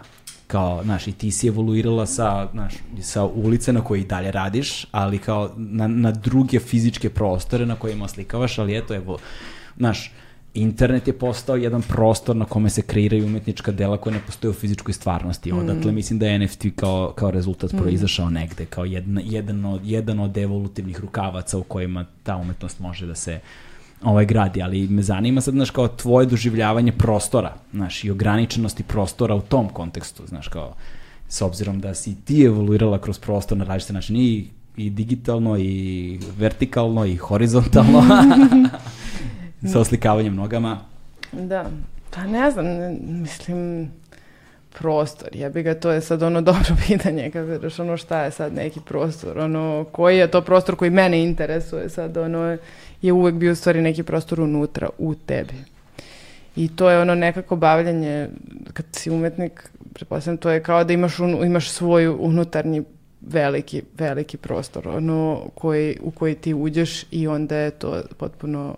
To je onaj trip. AI, ovaj, koji izgleda kao pink blob. Možda, ne znam, kao, ne, ali nije bilo, na kraju se nije dobro završio taj san, brate, nešto je bilo friki tu, ali ne znam, ono, ja verujem stvarno da je suštinski prostor unutra. Mm. E sad nemam pojma, mi sad ono, koristimo, to jest ja barem koristim kao, treba mi, mene u stvari treba jako puno prostora. Da, da. Znaš, on, ja stvarno ne bi mogla da ono, budem samo, ono, kao da samo slikaš na platnim ili samo ovo ili samo ono, treba ti ono, to treba da ima nekog, ono, neku širinu. Da. O, jedna stvar o kojoj smo razgovarali ti ja pre neki dan, a, a koja mi je baš zanimljiva, jeste to način na koji ti osvešćuješ sebe kao umetnicu odnosno u počecima, znači kad ti si počela da radiš i oslikavala si grad i bila si prisutna svuda i svi su znali kao ko je ono TKV, u kontekstu kao znaju za TKV, ne ko je TKV, ali uh, oslikavanje u javnom prostoru gde ti ne znaš zapravo ko je, publi ko je publika i kolika je ta publika. Ti ne možeš. Znači, onda je svaka reakcija koja stigne do tebe zapravo kao neko, neki mali paket iznenađenja koji niti znaš ko će da ti se javi, niti na koji način će ti se javi, niti kakvom porukom će ti se javiti. Ovaj, I onda svaka poruka koja stigne je neko malo iznenađenje i među njima je bilo zaista nekih ono fascinantnih ljudi koji su ti se javili i način na koji su reagovali na tvoje umetnička dela. Uh, da, tebi u stvari, da, u stvari koliko je internet, ono, ne može se razdvojiti od tog street arta, stvarno, ono, mislim, jer ti tu dobijaš zapravo, da, taj feedback, mislim, šta sve meni ljudi šalju, ono, kao, šta to njima znači? Mm. Ti uopšte ne, znaš, nekad uopšte ne mogu da pretpostavim da će to na neko, ne, ja, kad sam to pravila, nije to, to bilo toliko ozbiljno, kao, ali kao stvarno ljudi se u to investiraju i ti onda vidiš, pogotovo u ovoj sredini koja nije navikla da idu u galerije, nije navikla da ide u muzeje, nije da. imala nije ono, imala prilike za to ili mogućnosti. I onda kako zapravo ta umetnost koja je na ulici daje ti jedan ono širok kontekst jer je za sve. Mm. I ne moraš da znaš ništa i ne moraš da budeš ni obrazovan ni bilo šta. Ono, ona je tvoja na neki način. I onda u, u, ljudi u to učitavaju svoje, svoje značenje i to onda njima stvarno postane bitno. M mislim, ja sam ono baš bila ovaj, uh, uh, pogođena nekim stvarima koje su mi ljudi pisali, koje uopšte ono nisu, ne znam, ono da, da, da je to neka ono gospođa koja ima neko dete, ona je samohrana majka i, i, i gde ona meni kaže kao, e, kao, i sama znaš da ova sredina nije jednostavna kad si samohrana majka mm. i kao da je ona morala da suzbije neke emocije koje ima da bi preživela kao da bi se to sve ono desilo, ali kad vidi moje radove, nju, on nju sete kakva je ona bila ranije i da je zapravo to nežno u njoj još uvek postoji kao da je to ono što je kao mm. cool ide, reaguje na to i kao to je jedan onako vrlo veliki baš je znaš, kao, utičeš na nekoga tako. Mislim, ja stvarno to nisam, znaš, kao onda mi je da. drago, kao onda zapravo to jeste moja, tu, tu je ono da iskrenost da. igra veliku ulogu da ti, brate, ono, utičeš na neko zato što si ti iskren sa svojim emocijama i ti si u zonu, ne, ovo je ovako, kao imaš neku vrstu vrednosti i kao hoćeš da nešto bude bolje. Znaš, ovde ljudi puno zameraju kao sad kad si kao, kad imaš neku kao veruješ u nešto, ti si odmah naivan, kapiraš, mm. ono, ili ako želiš da budeš dobar, ili ne znam, ti si odmah kao budala, kao koju će svi da prevela, preveslaju, što ne mora tako da bude, da, kapiraš, da, da, ono, tako da ne znam, ono, znaš, kao ja želim da, ono, da ta nežnost bude nekakva snaga, ono, mm. u tom smislu, i to je ljudi ono što prepoznaju, ja mislim, i to jeste tako, ti kad nešto slikaš, kad slikaš, ono, na platnu, platno upija to što ti osjećaš, stvarno, ono, i ljudi to jednostavno osjećaju, tu je ta razmena, ono, način na koji ti, na koji ti slikaš. To jako je teško da se, da se objasni, zašto se to jedno nešto što mora, mora da se osjeti, ono. Da, to je ta iracionalna, neka emocionalna kategorija, ovaj, naš, pamet je vrlo često naknadna. Znaš, i onda te kad smo nešto napravili, uradili i onda još kad se desi taj neki vremenski otklon, vremenski prostor i emocionalni otklon, pa onda sa tim otklonom pogledamo nazad, pa mi možemo sad tu da učitamo, rastumačimo i ko zna šta sve. Ali u trenutku kada nastaje, ne može, znaš, ti možeš samo da ideš na srcem da, napred, da. intuicijom i da se nadaš da. da u tome, znaš, toga koliko si slobodna i koliko si zapravo iskrena u toj svojoj slobodi koju dobijaš, koju stvaraš. Mm ovaj, to će se preneti na ljude na neki način. Pa da. Znači, mi ne možemo da znamo konačne efekte onoga što radimo. To će nam vreme, negde i ti ljudi koji se pojavljuju reći. Da. Ne, zanimljivo je, ja kad sam pričao sa ovaj, prijateljima, baš iz ministarstva prostora i to, znaš, koji se bave prostorima, javnim prostorima u kontekstu društva i načina na koji oni bi trebalo da budu iskorišćeni. Da li nam zaista treba još jedan, ne znam, ono, lanac prodavnica ili kladionica u našem kraju, možda bismo mogli neku galeriju da otvorimo. Da. Recimo, ja sam s Voždovca na kojem, ono, naš imaš 230.000 stanovnika i nula kulturnih ustanova, nema bioskopa, pozorišta, ničega. Ovaj, postavlja se, a, postavlja se upravo to pitanje, znaš, i onda su, i onda su mi oni govorili, znaš, kad ljudi uđu u neki prostor a, i provode vreme u tom prostoru, oni počinju da stvaraju nekakve odnose sa tim prostorom i među sobom unutar tog prostora i vezuju se emocionalno, identitetski za njega i, ovaj, i onda su spremni da ga brane.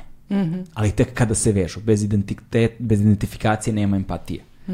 I u tom kontekstu je zanimljivo, znaš, recimo ne, gomila, evo vidiš, znaš, ovde po sobi svega, svega što ima, bilo šta da uzmeš da mi baciš u đubre, ono, boleće me. Znaš, znači, ve, vezao sam se za te objekte, vezao sam se za te stvari, ovo je kao moja pećina malo koje je sve moje, razumeš? Kao menke. da, da, da, da, na, na, na neki način. Ovaj, I recimo, znaš, ukoliko tvoje neko umetničko delo, na primjer, tvoj grafit ili nešto, sad ja, evo, izmišljam scenario, razumeš? Ono, stoji na zidiću pored neke klupice u parku gde sam se, ne znam, ono, sa 19 godina muvo s nekom devojkom šta god, to postaje deo tog sećanja, tog trenutka, mm. tog iskustva, a tebi je to možda bilo nešto, je kao, znaš, ostalo mi još malo spreja, ajde da bacim, da, da, da. znaš, kao, ali nekome je to po, bio sastavni deo jednog važnog životnog sećanja, ono, koje nosi ceo život. Pa da, ali onda, to je to, onda javni prostor je užasno bitan i umetnost u javnom prostoru je obavezno. Onda, obavezno. Mislim, obavezno. Šta bi zamislite da sad sve ove billboardi koji su po gradu da je sve neki mural, dobra, ajde, ne mora baš sve, ali kao da kao imaš jako puno ono kao toga da se odvaja, da bude humano, jer čini ga humanim taj, ono, ta mm. umetnost, ono, taj javni prostor koji je tako kakav jeste, ono, mislim, mi, mi ga nismo birali, ali opet mi smo ti koji treba da, da utiču na njega. Tako da ono, možda je i to odgovor na ono pitanje pre nekog vremena, mm. znaš, kao kako te u stvari formira ovo društvo, koje, mislim, ti ne daje ništa u tom smislu kao nikakav ono, kulturni sadržaj. Mm. Mislim, ja sam s Novog Beograda, situacija nije ništa, ništa nije, boja, ima bi bio bioskop na fontani. Da, ima bioskop, na Voždovcu ga nema ja, više. Pa jevi. Ove, kako se zove, tako da... O... e, pa jebi ga. Dođi, oslikaj nam nešto. Dođi na fontanu. ne, o, da, mislim, u svakom smislu, ono... Da, ne pamtim da sam video TKV na Voždovcu. Pa da, ne znam, nije, znaš šta, treba da se ide do Voždovca, ono, znači ja ne vozim. Tako da, ono, nikada to nisam dotabanala, ono, ali, ali trebalo bi, trebalo bi, definitivno. Velika opština. Da. Ovi, kako se zove, tako da, da šta znam, ono, bitno je šta se ostavlja u tom javnom prostoru. Da. Ono, tako da, to je onda igra bez granica. Onda te stalno to vuče da nešto radiš. Pazi, a, znam da je negde ono možda, znaš, malo izlizano i kliše govoriti o tome, jer kao posebno u kontekstu, dakle, kad govorimo o tim rodno senzitivnim stvarima i kao muškarca nikad nisu pitali kako je njemu na ulici, znaš, ja, ja, znaš, da. Je tako zvuči? Da, ne, ne, nije tako zvučalo, ali, ali, razumem, ali razumem poentu. Ali bez obzira na to, de facto, grafiti umetnost jeste bila ono što smo rekli na prvoj negde boys club. Znaš, i ovaj, tvoje pojavljivanje uh, je unelo jedan dah svežine, ali mislim da je istovremeno otvorilo vrata za brojne druge devojke koje su se pojavile nakon tebe. Znaš, mm. to sada više nije tema uopšte, da, znaš, da, i da. to je uspeh. Da, uspeh da, je da, da, to više nije ne bude tema. Da. Tako, da to više nije tema, znaš, i mislim da je, da je tvoja uloga u tome, ono, zaista ogromna, znaš, veoma značajna, barem za ovaj lokal ovde. Uh, Ovaj, ali u vezi sa time ti takođe organizuješ, jel ti organizuješ uh, festival? Da, to je sad od pre da. dve godine, mislim ja, ne, to je bilo kad pre 2018. Ja mislim to je bilo i ranije, a? Ne, 2018. Do 18. je bilo, 2018. i sad ove godine ponovo, ja sam na Dorću placu, pošto tamo ima telje, bili smo u zonu, ajde kao neki kao graffiti, jam, nešto tako, i onda kao zašto ne bi bio all girls, da su sve, de... mislim opet to ti ono vraćanje, opet mi moramo da se stavimo u taj kontekst da se ćemo mi sada se izdvojimo, mm. bla bla bla, ali mislim da je to nekako drugačije kad ti imaš kao pa, samo ženski džem. Znaš kako, drugačije zato što je civilizacijski drugačije. Pa, znaš, da. Znaš, vi, vi, se, vi, se, vi se borite za prostor koji niste koji, koji, vam, koji niste imale ranije. Pa dobro, da, i nekako, meni, meni je to super, zato što kao ja sam insistirala da to bude, da kažemo, regionalno, da, da dođu devojke iz Bosne, iz Hrvatske, da, imali smo i Kalde, Kaldeo iz Pariza, ono, koja je fantastična jedna umetnica, da to bude, mislim sad, ono, sad želje i mogućnosti, ono, treba vremena da se to razradi, da ti imaš konstrukciju koja možda podrži, onda ne znam, nije koliko žena. Ali, ovaj, za sad je bilo kao, da kažemo, regionalno. I meni je to bilo jako bitno i strava mi se ti obično kad dođeš na neki graffiti festival, ono, it's all dudes, kapiraš, ono, to je, mislim, oni su jako zabavni, strava su i kao totalna idiote gomila, ali kao ako ima još neka devojka, sam se, je, kao strava, kapiraš, tako sam upoznala na Kaldeo, tu devojku iz Pariza, na meetingu Stylesu u Zagrebu, ono, i kao oduševili smo se jedno drugom i kao strava. I kao nemam pojma, ono, mislim da je to možda bude jako cool, to nema, mislim nigde u regionu sigurno nema, i sad nemam pojma za Evropu da, ali rekla mi je ova Nespun da imaju u Poljsku da se skupljaju neke žene, ono pa idu crtanje, ali nije to kao festival, kao na taj -hmm. način. Tako da nemam pojma, mislim, još jako puno devojka koji crta baš, ono, kao grafiti, pisevi, kao biraš, nikad ne bi rekao da nije to, ono, Amelija Pula, nego je baš, ono, rokanje, kao ide, crta. Hardcore. Pa da, ono, misli strava, kao super, ono, pozdravljam, mislim, šta je, sve jedno, kapiraš šta radiš. Mm. Tako da ne znam, ja nekako moja želja je da kao dam prostora na taj način i da vidimo kako će to da se razvije u narednim godinama, da imaš jedno prosto kao ženski tu džem. Mislim, ja sam uvijek htjela da imam kao neki ženski kruh, to je bilo strava, ali... Da Znaš, ono. Da, kao što, kao što u breakdance-u postoji, kao da. što, da, ono, da, kao što u sajferi razno razni postoje tog tipa, zašto ne bi bilo i, zašto ne bi bilo i u ličnoj umetnosti. Da. To bi bilo baš strava, da. Pa da, mislim, znaš, kao i opet, vidjet ćemo, ne znam, da. treba za sve vremena i to je to. I na kraju krava, mislim, ono, ako pričamo u nekom kontekstu osnaživanja žena mm. i ženskih prava i feminizma, mislim, ja ću morati da se borim za svoja prava, mislim, verovatno dok god postojim u tom smislu, ali poenta je da ti guraš jednu granicu da ove de, žene, devojčice, devojke, ženska bića koje dođu posle tebe ne moraju to da rade. Mm. Tako da je to negde ono ideja da razmišljamo malo dve, tri generacije ispred i iza, kada biraš i ti tu nešto sad pomeraš neku granicu, da u neku, kroz nekako obrazovanje i prosto davanja mogućnosti, neću ja više da pričam o tome kako ti to može, ma ti samo crtaš, vrata. You da. can do, znači meni su, mislim ja sam tako, ono, ovo ti je super, samo ti to tako nastavi. Kao je, kao hvala ti, kao neke starije žene koje su meni govorile to, i u fazonu dobro ti je to, kao ti, samo da neko kaže ti to možeš. Da. Bez da te u, nešto sad kao da ti objašnjava što ti to možeš, nego ti to samo možeš. Kao ti samo radi, kao i ti onda ne znaš za bolje, mislim, samo radiš, no i to je to. Da, i ostaješ negde iskrena prema sebi s jedne strane. Pa mislim, ja, ne, ne, ja, to je moj, mislim, ja živim za to, kao no. Da. svaki dan po ceo dan živiš samo to i onda ne možeš sebe da lažeš. Kada ako tu mm. kreneš sebe da lažeš, krenuo si ozbiljno nešto da lažeš, a onda je to, šta je to? Mm. Tako da onda jedno hteo, ne hteo, stalno moraš da da, da nešto imaš neku spoznaju sam sa da. sobom. Ono, ali to je valjda naš kao nekako sazrevanje. Ne znam. E sad, kako se boriš sa, uh, pošto, pošto govorili smo o tvom razvojnom putu kao umetnice, znači sad kao galerijski izlo, izložbe u galerima, prodaja, ne znam, mordenje i tako dalje, to je sve jedna evolucija, to je jedna stavka do koje se stigne, ali pre toga se krči jedna šuma komercijalnog poslovanja, znaš, kao ono rada sa brendovima, agencijama, firmama, kompanijama i tako dalje. I ono što se meni najčešće dešava, a ne sumnjam da je to kod tebe na enti podignuto, uh, znaš, svi bi da budu strašno originalni, autentični, drugačiji, ali kada im ponudiš to, beže od toga, znaš, mm. oni bi zapravo da kopiraju nešto što su videli na Pinterestu ili na Instagramu, da. znaš, ono, a ti kao, znaš, po, posebno se to, po, posebno je to kategorija, ja mislim, kod ono uličnih umetnika, da se od njih traži da iskopiraju nešto što su videli na internetu, a ne kao da... Pa, mislim da samo to, znaš, kao, treba da bude ta estetika. Da.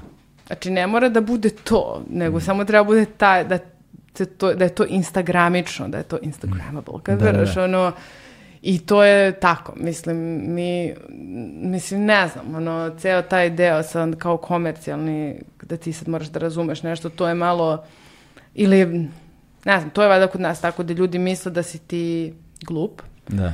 I da tebi nije jasno da se koristi ceo lifestyle. Kad, ako već hoće tebe da fotkaju šta god tvoj rad, ono ti nešto tu sad treba da uradiš. to je uglavnom maksimalno dosadno, Mm. no, ali je tako. No i sad njima bi bilo bolje da, da ti uradiš nešto što je malo originalnije, no, ali u isto vreme treba udiš i plaćanje. Ja mislim da je to stvar i koliko su oni spremni da odvaje za nešto, za tvoj neki rad koji oni misle da je kao eto tako samo, kao to je to. Da. I koliko se na tim pozicijama ljudi koji odlučuju o takvim stvarima nalaze neko ko je spreman zapravo da rizikuje i da kao kaže, e, verujem ti je, uradi šta ti misliš da treba. Pa, mislim, ali znaš ja mislim da to nekim ljudima nije ni bitno. Ono, ti imaš, brate, kako ta kampanja treba da izgleda i ti si tu 0,00003% svetskih kampanja i boli u, ono, bole mu za tvoju originalnost, samo treba da izgleda ovako jer hoćeš, nećeš, aj zdravo. Kapiraš, Štancaj, da. Pa da. I ti si izvođaš nekakvih radova, ono, nik, nikoga ne zanima, ono, tvoje, brate, ono, život na ulici, brate, zato što stvarno ih ne zanima, mislim, Da, da, da. I, ili radiš ili ne radiš, ili hoćeš ili nećeš, i izvoli, pa se ti snađi. Mislim, ok, neki ljudi imaju, naravno, više sluha i to treba da izgleda malo ovako i onako, Da.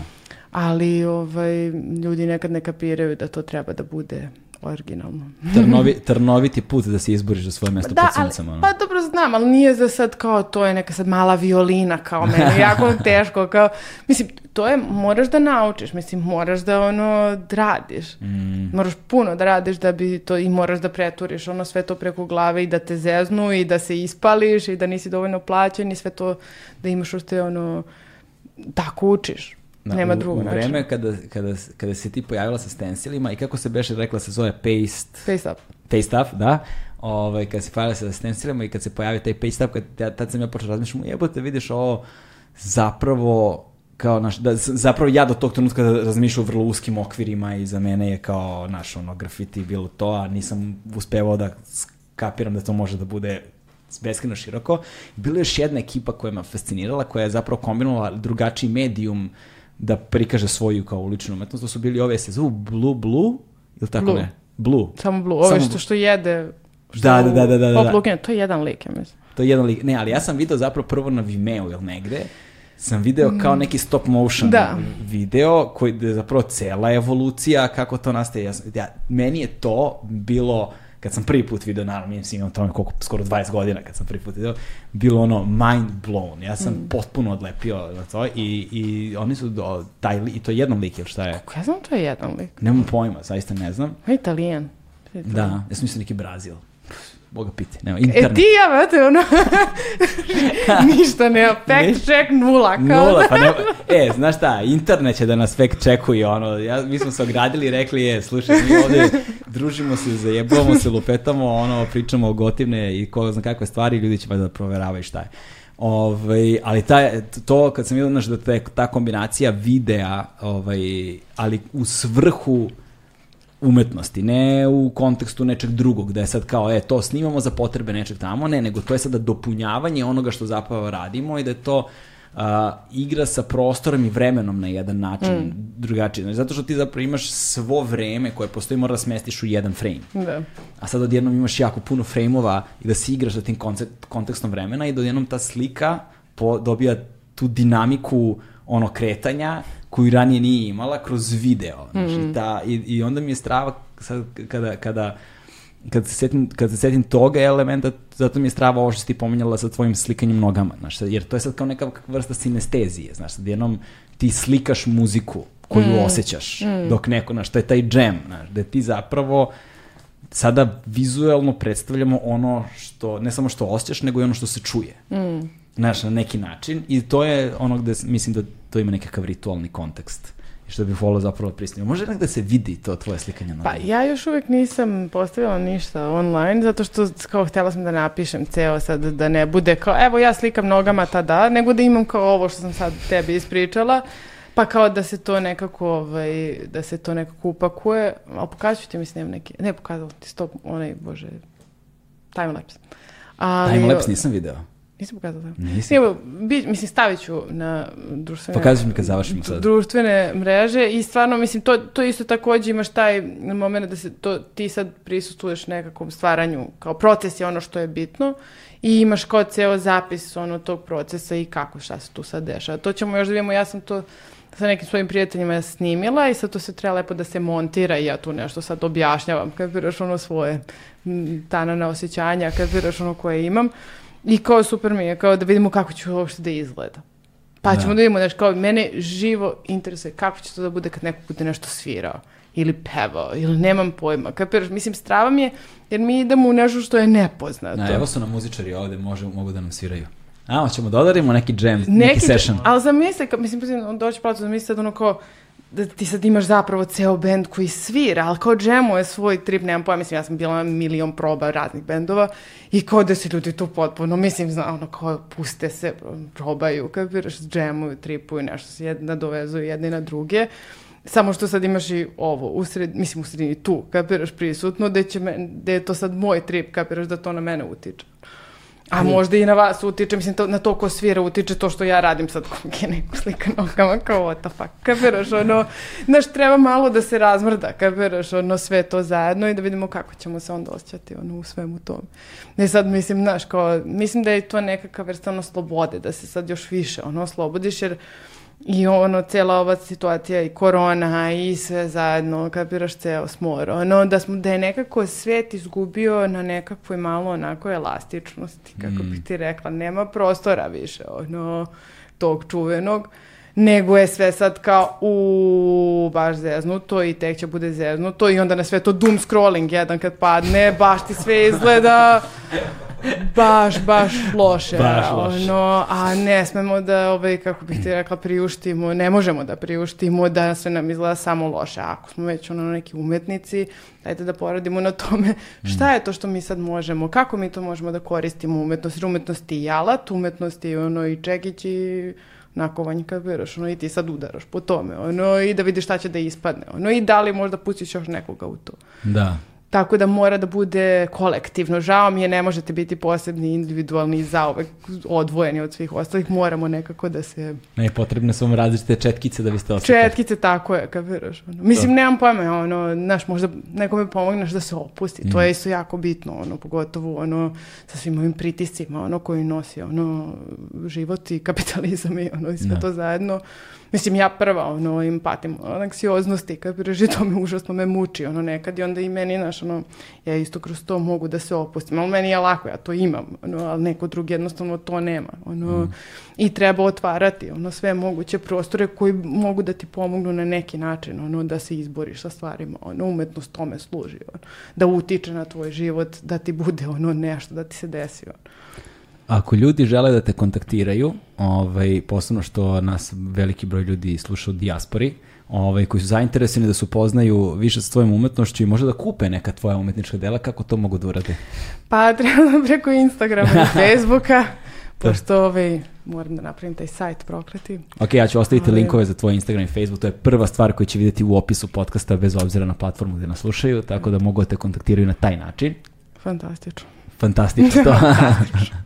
ovaj, znam da si skoro došla sa mora i da se još uvek nisi aklimatizovala, kao što nisam ni ja. Ovo nam je prvo snimanje, zato smo nazdravili sad. Eto, Ono je eto. prvo, prvo snimanje od kako smo se vratili s mora, pravo ti kažem, jedva sam se naterao na silu sam, ono, organizujem, pokušavam, trudim se, ne ide mi nešto, jedva ustajem ujutro. Pa znam, eto, ono pričam i o tome još sanjam neke, brate, AI-eve, telepatske komunikacije, ono, ne, odma, ne odmaram se, brate, nikad spavam. Ali da, treba se aklimatizovati ponovo na gradu, ono, to je baš Da. heavy. Beograd avgustu mesecu je hardcore. Pa, ne, znam, mislim, bo- nije toliko topla i nema puno ljudi u gradu, to je, To je jedino To je cool, da. to je cool. To je jedino cool, ali toplo je, boga mi kako hoćeš je toplo. Još se ovo vinča sad što gori, Da, ubi nas. globalno zagrevanje. Između ostalog, da. E, hvala ti puno na vremenu. Sad ćeš da mi pokažeš uh, kad završimo taj, uh, taj, Time-lapse. taj, taj time lapse, ovaj, popijemo još malo i nastavimo se držimo da dogovorimo taj session. Ja sam skroz u fazom da to odradimo, brate. Definitivno. Mrtav sam ozbiljan, Pa stvarno. ne, ali ne, ja sam, ja sam, ja sam to ljudima govorim u fazonu sam, ajde, kapiraš, ajde da vidimo, ne, ne može da bude bez veze, Hajde, ali može bude i sjajno. ajde, to ćemo definitivno. Sad ćemo se dogovorimo kad završimo snimanje. To je to, stigli smo do kraja, hvala vam puno, vidimo se, ćao.